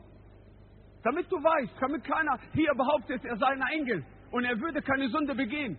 Jeder von uns ist ein Sünder. Und die besten Sünder sind jene, die bereuen. Subhanallah sich waschen von dieser äh, äh, Sünde. Allah subhanahu wa ta'ala sagt in Surat An-Nisa, إنما التوبة على الله. Allah subhanahu wa ta'ala obliegt es. Es ist seine Angelegenheit, die Taube anzunehmen für diejenigen, die Taube machen, die es in Unwissenheit gemacht haben. Viele hier denken, Unwissenheit, das heißt, er wusste nicht, dass sie verboten ist. Falsch. Weil wenn er nicht wusste, dass sie verboten ist, und man hat ihm jetzt erklärt, sie ist verboten, er unterlässt sie, hat keine Sünde begangen. Aber es geht hier um in der arabischen Sprache Humq. Das heißt, er, er hat seinen Verstand nicht benutzt, als er die Sünde begangen hat. Und Rasul sallam hat gesagt in einem Hadith, derjenige, der Unzucht betreibt, er tut es nicht, während er Mu'min ist, während er in seinem Herzen ein Iman hat.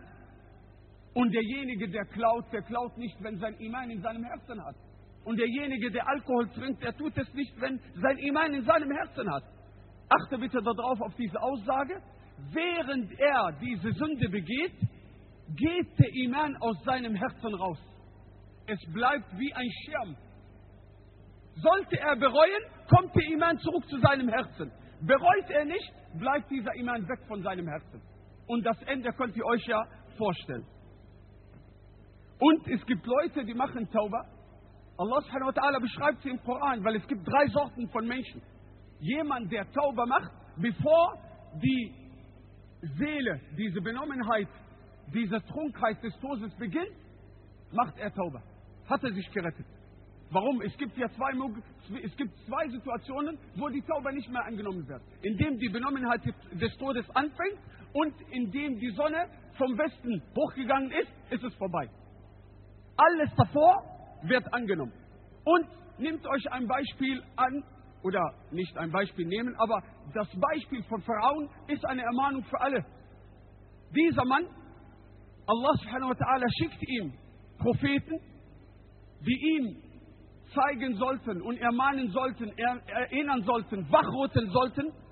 Du bist nur ein Mensch, und eines Tages wirst du sterben, hat die Tauber bis zum letzten Moment zurückgelassen. Als er den Tod in den Augen gesehen hat, hat er gesagt, ich glaube an demjenigen, an dem das Volk Israels glaubt. Dann sagt Allah subhanahu wa ta'ala, Al-an, jetzt erst? Jetzt willst du Tauber machen, nachdem es schon vorbei ist? Das wird dir nicht nutzen.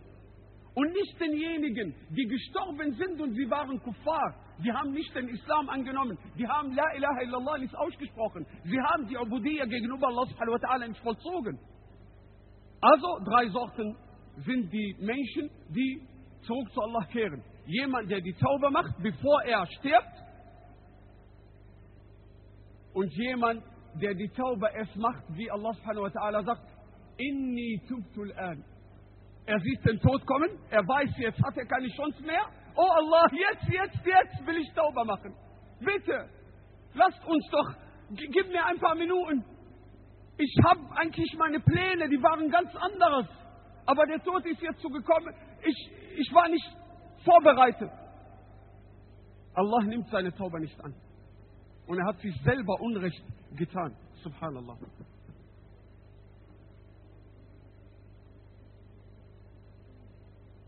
Und derjenige, der eine Sünde begeht, warum? Weil wir haben ja drei Stufen im Islam, das sind so enge Kreise. Wenn du einer bist, der Allah dient, als würde er Allah ihn sehen und er verinnerlicht es, dass er Allah sieht, er weiß, dass Allah sieht auf ihn herab, das ist Al-Muhsin, das ist der enge Kreis. Wenn er aus diesem Kreis rausgeht, begibt er sich in einem etwas größeren Kreis des Glaubens, des Imans. Geht er aus dem Kreis des Imans, wir haben gerade einen Mann beschrieben, er macht Sinne, aber er macht das nicht, wenn er Mu'min ist. Das heißt, er hat den Kreis des Imans verlassen, er ist gerade in diesem großen Bereich des Islams. Wenn der Mensch den Kreis des Islams verlässt, ist er in einer ganz, ganz großen Wüste. Warum? Weil es ist Kuffer dann kann er machen, was er will. Aber Islam hat seine Regeln. Und der Iman hat seine Regeln. Und der Ihsan hat seine Regeln. Und die Muslimen, die nach Koran und Sunna leben, glauben, dass der Iman sich stärkt durch gute Taten und sich schwächt durch schlechte Taten. Allah subhanahu wa ta'ala selber hat es im Koran bestätigt. Und keineswegs würde ein Mensch Allah gegenüber eine Sünde begehen, wenn er wusste, wie gewaltig Allah subhanahu wa ta'ala ist. Es ist eine klare Sache. Rasul sallam, als er berichtet hat über ein, ein, ein Hahn, dessen Füße in der Erde tief sind und sein Kopf unter dem Thron und er sagt, gepriesen seist du, wie gewaltig bist du, sagte jemand zu ihm, keiner würde dies sagen und bei Allah lügen.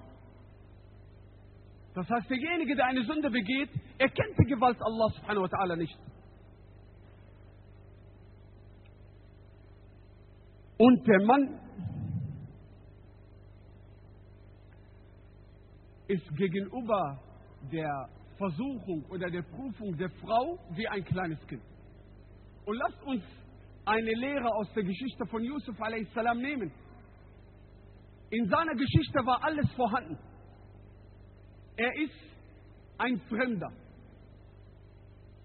Er ist jung und seine Triebe sind vorhanden. Und sein Verlangen ist auch sehr stark. Er ist nicht derjenige, der die Frau angemacht hat. Nein, vielmehr ist das die Frau, die ihn angemacht hat. Und vielleicht konnte er auch gezwungen sein, weil er denkt, ich bin hier nur ein Sklave, jemand, der schwach ist. Die Frau, die hat Macht, die könnte mich unter, unterdrücken.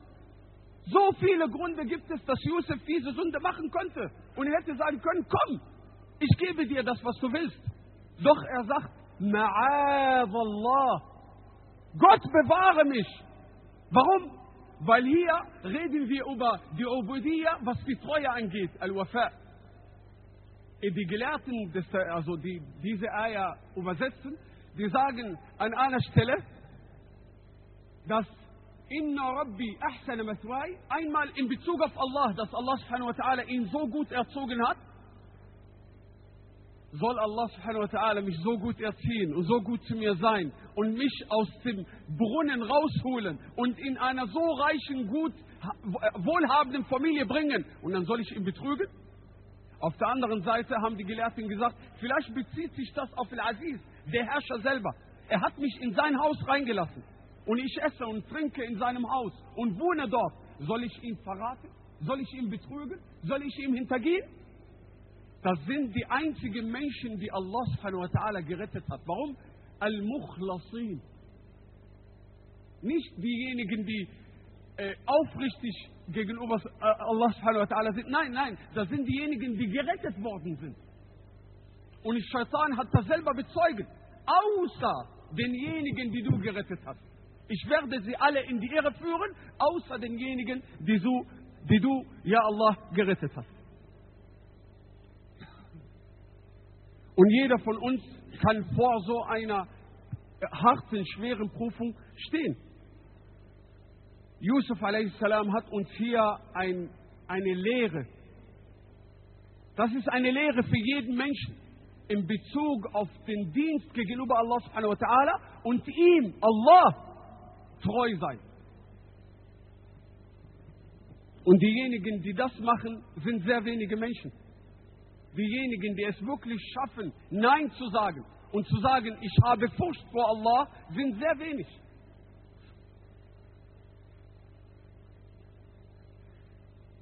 Reicht das nicht für dich, lieber Bruder und liebe Schwester?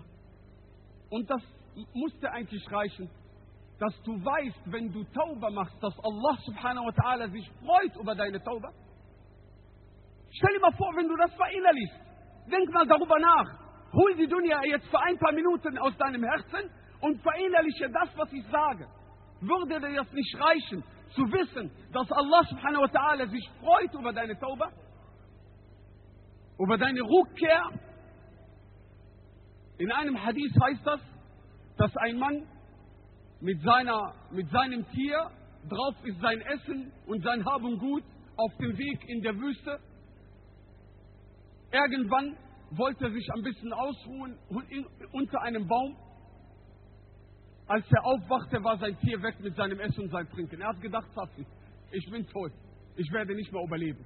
Er ging nach rechts, er ging nach links, er ging dahin, er ging dahin. Er hat nichts gefunden. Er kehrt zurück zu diesem Baum, wenigstens im Schatten sterben, ja, also nicht in der Hitze. Dann sieht er sein Tier dort. Dieser Mann ist jetzt hochgeladen emotional. Wie soll er reagieren? Sein Tier ist zurück zu ihm gekommen. Dann hat er sich versprochen, sagte, oh Allah, du bist mein Diener und ich bin dein Herr. Sagte Rasul sallam, er hat sich versprochen, weil seine Freude so groß war. Nein, nein, nein. Lallahu ashaddu. Ah, Allah, seine Freude über deine Rückkehr ist viel größer als die Freude dieses Mannes, dass sein Tier zu ihm zurückgekehrt ist. Viel, viel, viel größer. Aber das Problem ist, dass wir leben in einer, in einer Welt, dass wir das gar nicht verinnerlichen können. Ja, Allah, ja, guck mal, ich bin der Sünder und ich bin derjenige, der so viele Grenzen übertreten hat. Und ich sage, oh Allah, und er freut sich über meine Rückkehr. Subhanallah. Und du bist immer noch am Überlegen, du bist immer noch am Rechnen. Soll ich sauber machen oder soll ich nicht sauber machen? Aber wer gibt dir die Sicherheit, dass du noch lebst? Wer gibt dir die Sicherheit, dass du hier von dieser Halle lebend rauskommst? Und dann wirst du sagen, inni tuftul an, ich habe jetzt bereut, ich bin bereit jetzt zu bereuen, dann ist das alles vorbei. Denn bei Allah subhanahu wa ta'ala gibt es eine Chance, die du hier auf dieser Erde bekommen hast. Eine zweite wirst du nicht bekommen. Subhanallah.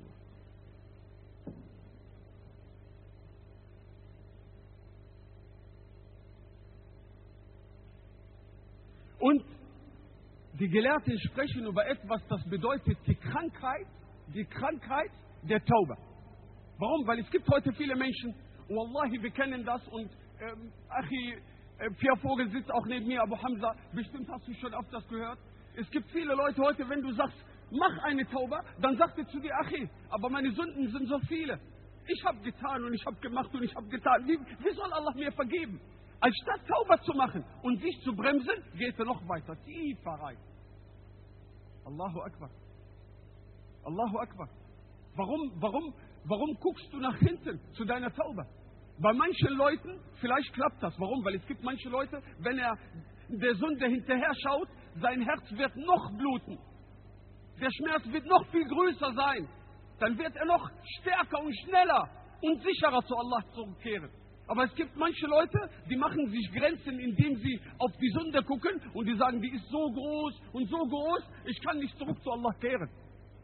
Denn deine Sünde in Bezug auf die Barmherzigkeit Allah subhanahu wa ta'ala nicht mal im Gewicht eines Körnchen.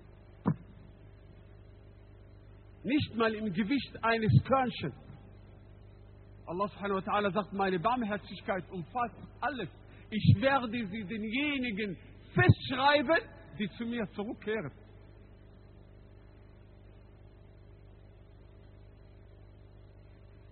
Und diese Aussage ist sehr heftig. Warum? Weil es gibt viele Menschen, und das ist eine gute Sache, dass wir uns daran erinnern. رب معصية أورثت ذلا وانكسارا. Vielleicht machst du eine Sünde, diese Sünde, die du gemacht hast, sie hat dir so viel Gottesfurcht geschenkt. Die hat dir so viel Unterwerfung gegenüber Allah subhanahu wa ta'ala geschenkt, dass du durch diese Sünde Stufen bei Allah hochgegangen bist. Aber achte auf diese andere Seite. Und es gibt aber eine Ta'a, Awrasat Izzan. Ah, der, ist, der hat eine gute Tat getan, aber er ist stolz. Er ist überheblich gegenüber Allah. Und diese gute Tat, die er getan hat, vielleicht bringt ihn in die Hölle. Ja, er ist überheblich. Er hat Hajj gemacht, er hat vielleicht Qiyamul gemacht, er hat das gemacht. Er peitscht jetzt seine Brüder und Schwestern mit diesen guten Taten. Und er ist überheblich. Aber er dankt Allah subhanahu wa ta'ala nicht, dass er es überhaupt ihn möglich gemacht hat, dass er so eine gute Tat tut. Subhanallah.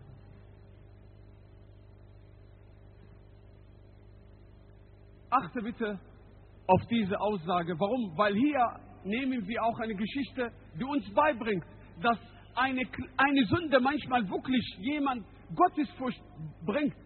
Abu Musa al-Ash'ari, radiallahu anhu ardah, als er im Sterbebett lag, versammelte er seine Kinder um sich herum. Und dann sagte er, liebe Kinder, erinnert euch an den Mann mit dem Brot. Sagten sie, lieber Vater, wer ist dieser Mann mit dem Brot? Er sagte, es war ein Priester, der Allah gedient hat. Und die Priester damals waren nicht wie heute, das waren Menschen, die haben sich wirklich ferngehalten von den Menschen. In seiner Geschichte, die Muslim überliefert hat, über Abi Hurairah radiallahu anhu, Jurayj al-Abid, wisst ihr, was er gemacht hat? Seine Gebetsnische sozusagen war auf einer höheren Stelle. Er ist immer auf einem Seil geklettert und hat den Seil mitgenommen, damit keiner ihn stört bei der Ibadah gegenüber Allah subhanahu wa ta'ala. Dieser Priester betet Allah subhanahu wa ta'ala an und manchmal geht er auf den Markt, um sich Sachen zu kaufen. Während er, während er auf dem Markt ist, sieht er eine Frau, die sehr schön ist. Er geht mit ihr sieben Nächte und macht mit ihr sieben Nächte Unzucht. Als er aufgewacht ist und gemerkt hat, wie schlimm das ist, was er getan hat, ging er einfach ziellos durch die Gegend. Er geht einen Schritt, wirft sich auf den Boden. Geht einen Schritt, wirft sich auf den Boden. Tagelang. Bis er ein, eine Gruppe von Männern gesehen hat, die neben einem, äh, neben einer Synagoge oder ein, ein Gebetsgebäude äh, äh, gesichtet wurden. Er hatte sich zwischen ihnen gesetzt. Diese zwölf Männer bekamen jeden Tag von dem Priester zwölf Brote. Jetzt sind das 13. Der Mann kommt mit dem Brot, verteilt das an den Leuten. Einer von den Anwesenden schreit und sagt, wo ist mein Brot? Dann sagt der Priester, ich habe wie jeden Tag zwölf Brote gebracht. Ich habe dir nichts angetan. Dieser Mann hat gehört, dass jemand schreit nach seinem Brot, hatte ihm sein Brot gegeben. Danach ist dieser Mann gestorben. Jetzt wird er vor Allah geführt, Yom al-Qiyamah. Er hat Allah subhanahu wa ta'ala 70 Jahre gedient. Achi, 70 Jahre gedient. Shaitan wurde aus dem Paradies verbannt wegen einer einzigen Sünde. Adam musste das Paradies verlassen wegen einer einzigen Sünde. 70 Jahre auf der Waage gegenüber sieben Nächte zur Unzucht. Dann wisst man die Waage, die 70 Jahre Ibadah gegenüber Allah subhanahu wa ta'ala fliegen weg. Es bleibt nichts davon. Es bleiben diese sieben Nächte. Dann bricht man das Brot. Warum? Weil er das Recht eines anderen nicht weggenommen hat. Dann legt man das auf der Waagschale es fliegen die sieben Nächte weg und es bleibt das Brot. Viele von uns heute wissen schon gar nicht mehr, wie viele Sünden schon sie in ihrem Leben gemacht haben. Für was soll er Tauber machen noch?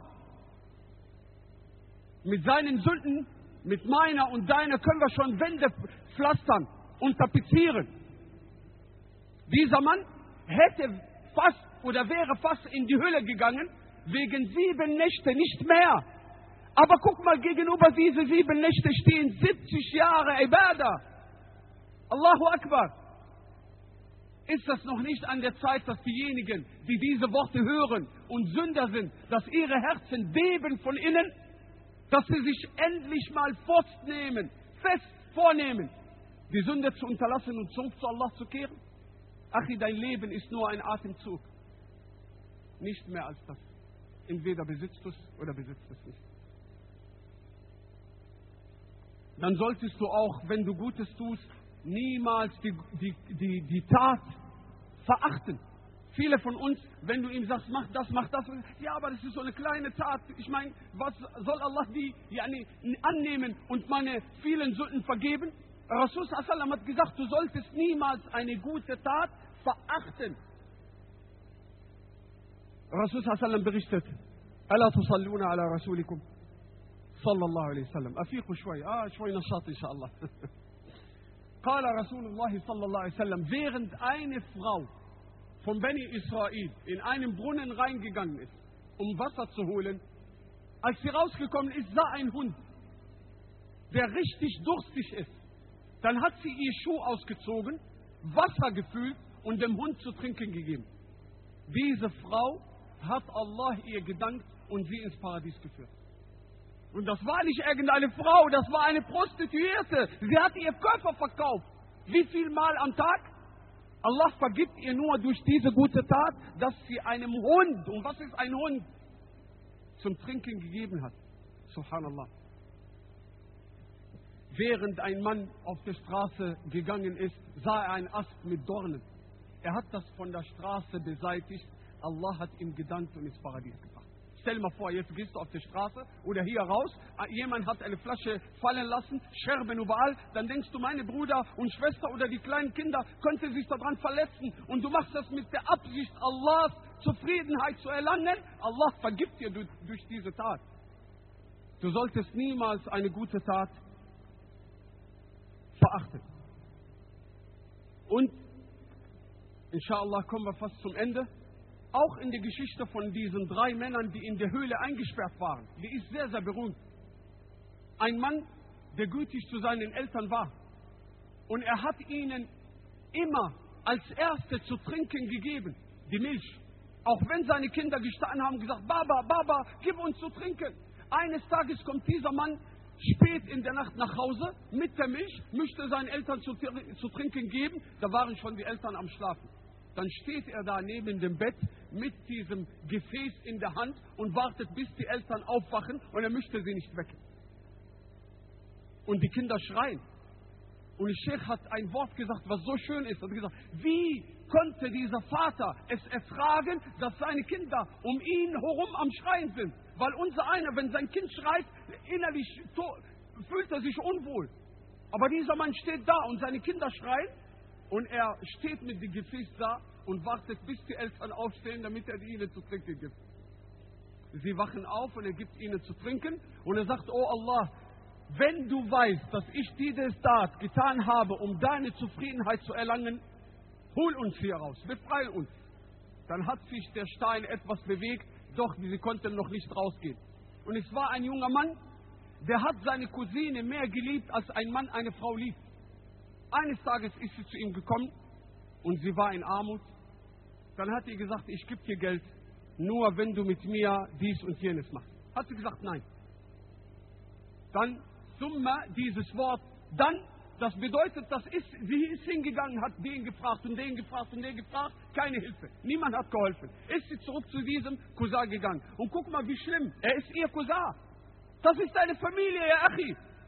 Das ist deine Familie, deine Cousine. Tust du ihr das an? Nutzt du ihre Schwäche, ihre Notlage aus? Dann hat sie es akzeptiert.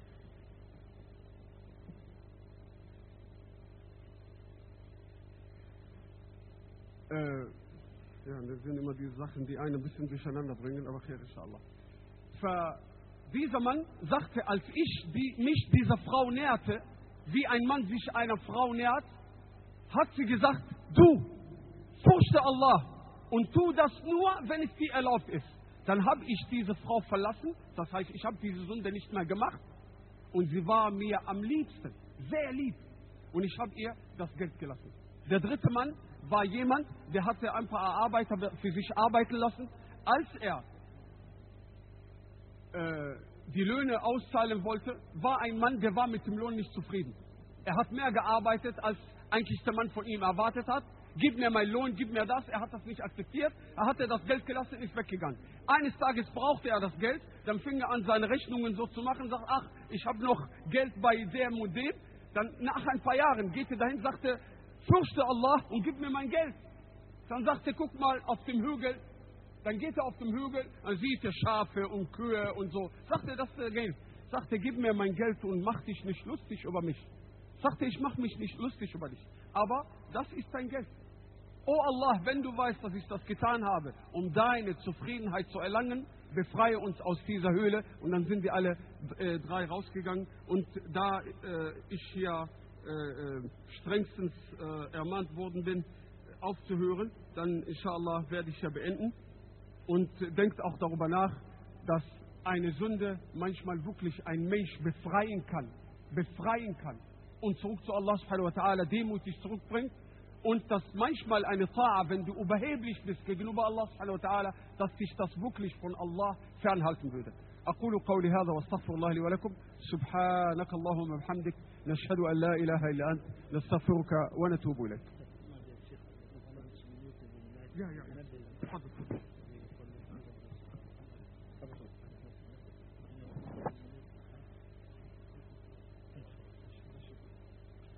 الحمد لله رب العالمين والصلاة والسلام على نبينا سيد المرسلين وعلى آله وأصحابه أجمعين هناك تنبيهان التنبيه الأول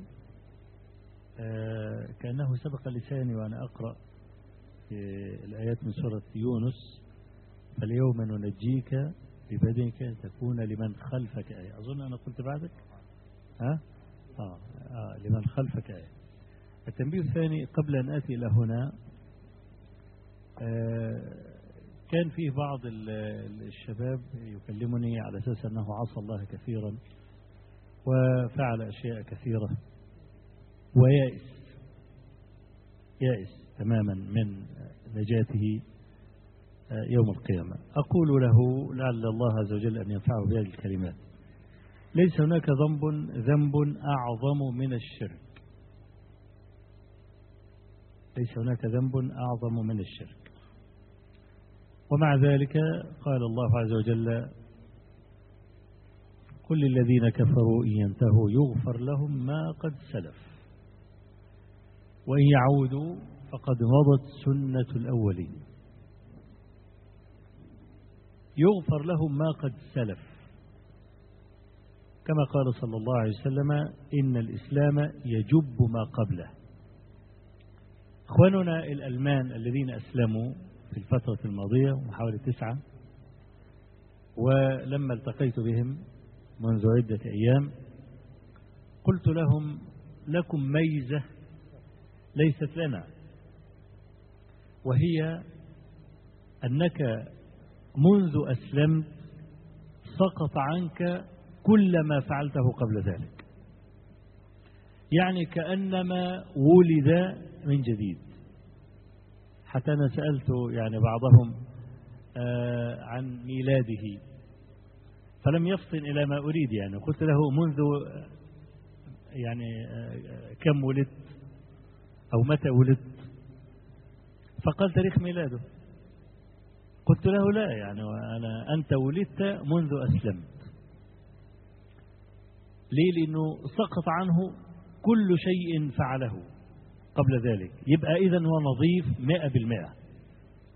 إذا كان هذا يعني فيما يتعلق بالكافر الذي لو مات على كفره لن يدخل الجنة ولن يجد ريحها أبدا لقول الله تبارك وتعالى ومن يبتغي غير الإسلام دينا فلن يقبل منه. فأنا بقول له لك رجعة والله عز وجل قال في آية الأمل اللي هي تفتح الباب لكل عاص أن يرجع إلى الله عز وجل. قل يا عبادي الذين أسرفوا على أنفسهم لا تقنطوا من رحمة الله إن الله يغفر الذنوب جميعا. أسرفوا أي تجاوزوا الحد أي ما تركوا ذنبا إلا فعلوه. يقول الله عز وجل إن الله يغفر الذنوب جميعا. إنه هو الغفور الرحيم. أنا أسأل الله عز وجل أن ينتفع بهذه الكلمات من تورط في العصيان أو ازداد في عصيانه. كل ذنب يتاب منه. حتى الشرك. حتى الشرك. أن تقلع عن الشرك. فيش ذنب لا يتاب منه إطلاقا. مشرك أسلم خلاص انتهت. عاصي أسلم رجع وتاب خلاص انتهت. ذنبك مهما عظم شيء ورحمة الله وسعت كل شيء. ولذلك النبي عليه الصلاة والسلام يقول إن الله خلق الرحمة مئة جزء فأنزل على الأرض جزءا واحدا. يترحم منه الخلائق من لدن آدم عليه السلام إلى أن تقوم الساعة. حتى أن الدابة العجماء التي لا تعقل يعني لترفع حافرها عن وليدها خشية أن تصيبه بجزء واحد من الرحمة. طب فين التسعة وتسعين جزء؟ الذي يظن أن ذنبه يستغرق هذه الرحمة كلها فهذا كافر. كما قال تعالى إنه لا ييأس من روح الله إلا القوم الكافرون. نسأل الله عز وجل أن يتوب علينا وعليكم.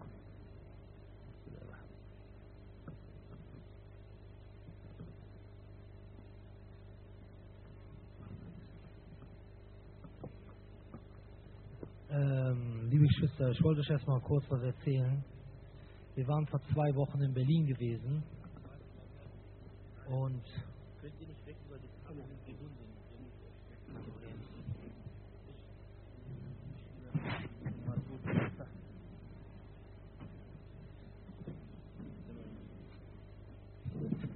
ähm, liebe Geschwister im Islam, ich möchte euch kurz äh, einige Sachen erstmal sagen, bevor ich weitermache.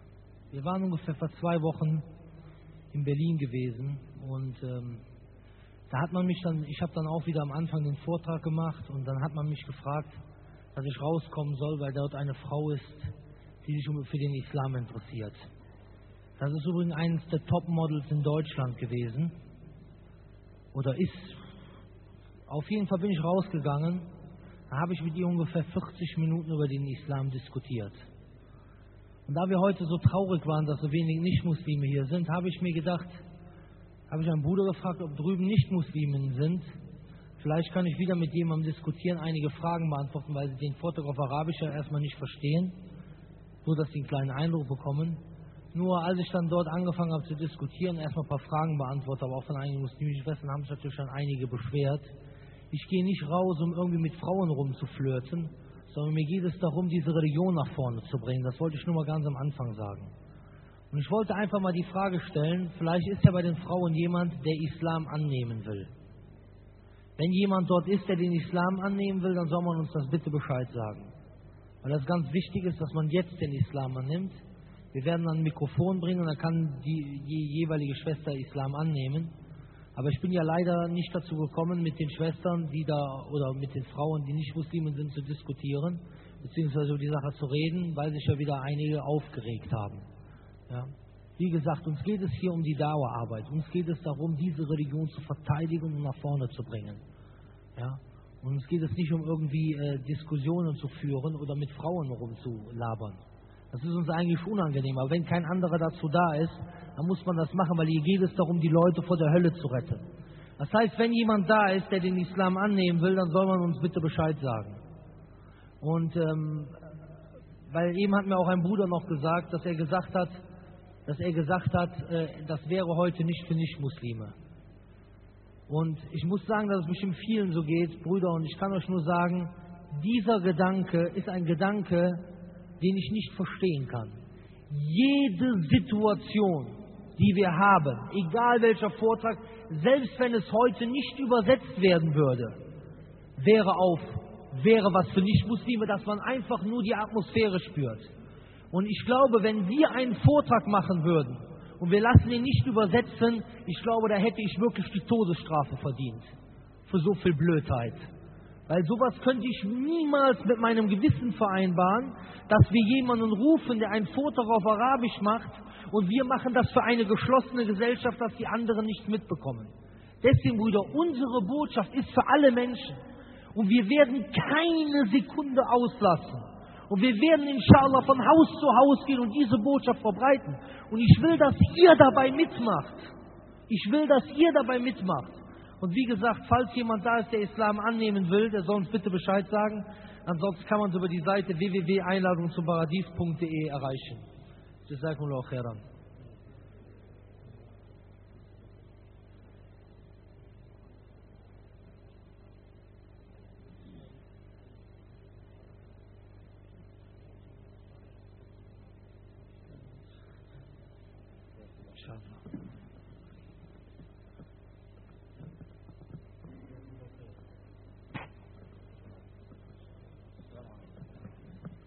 السلام عليكم ورحمة الله.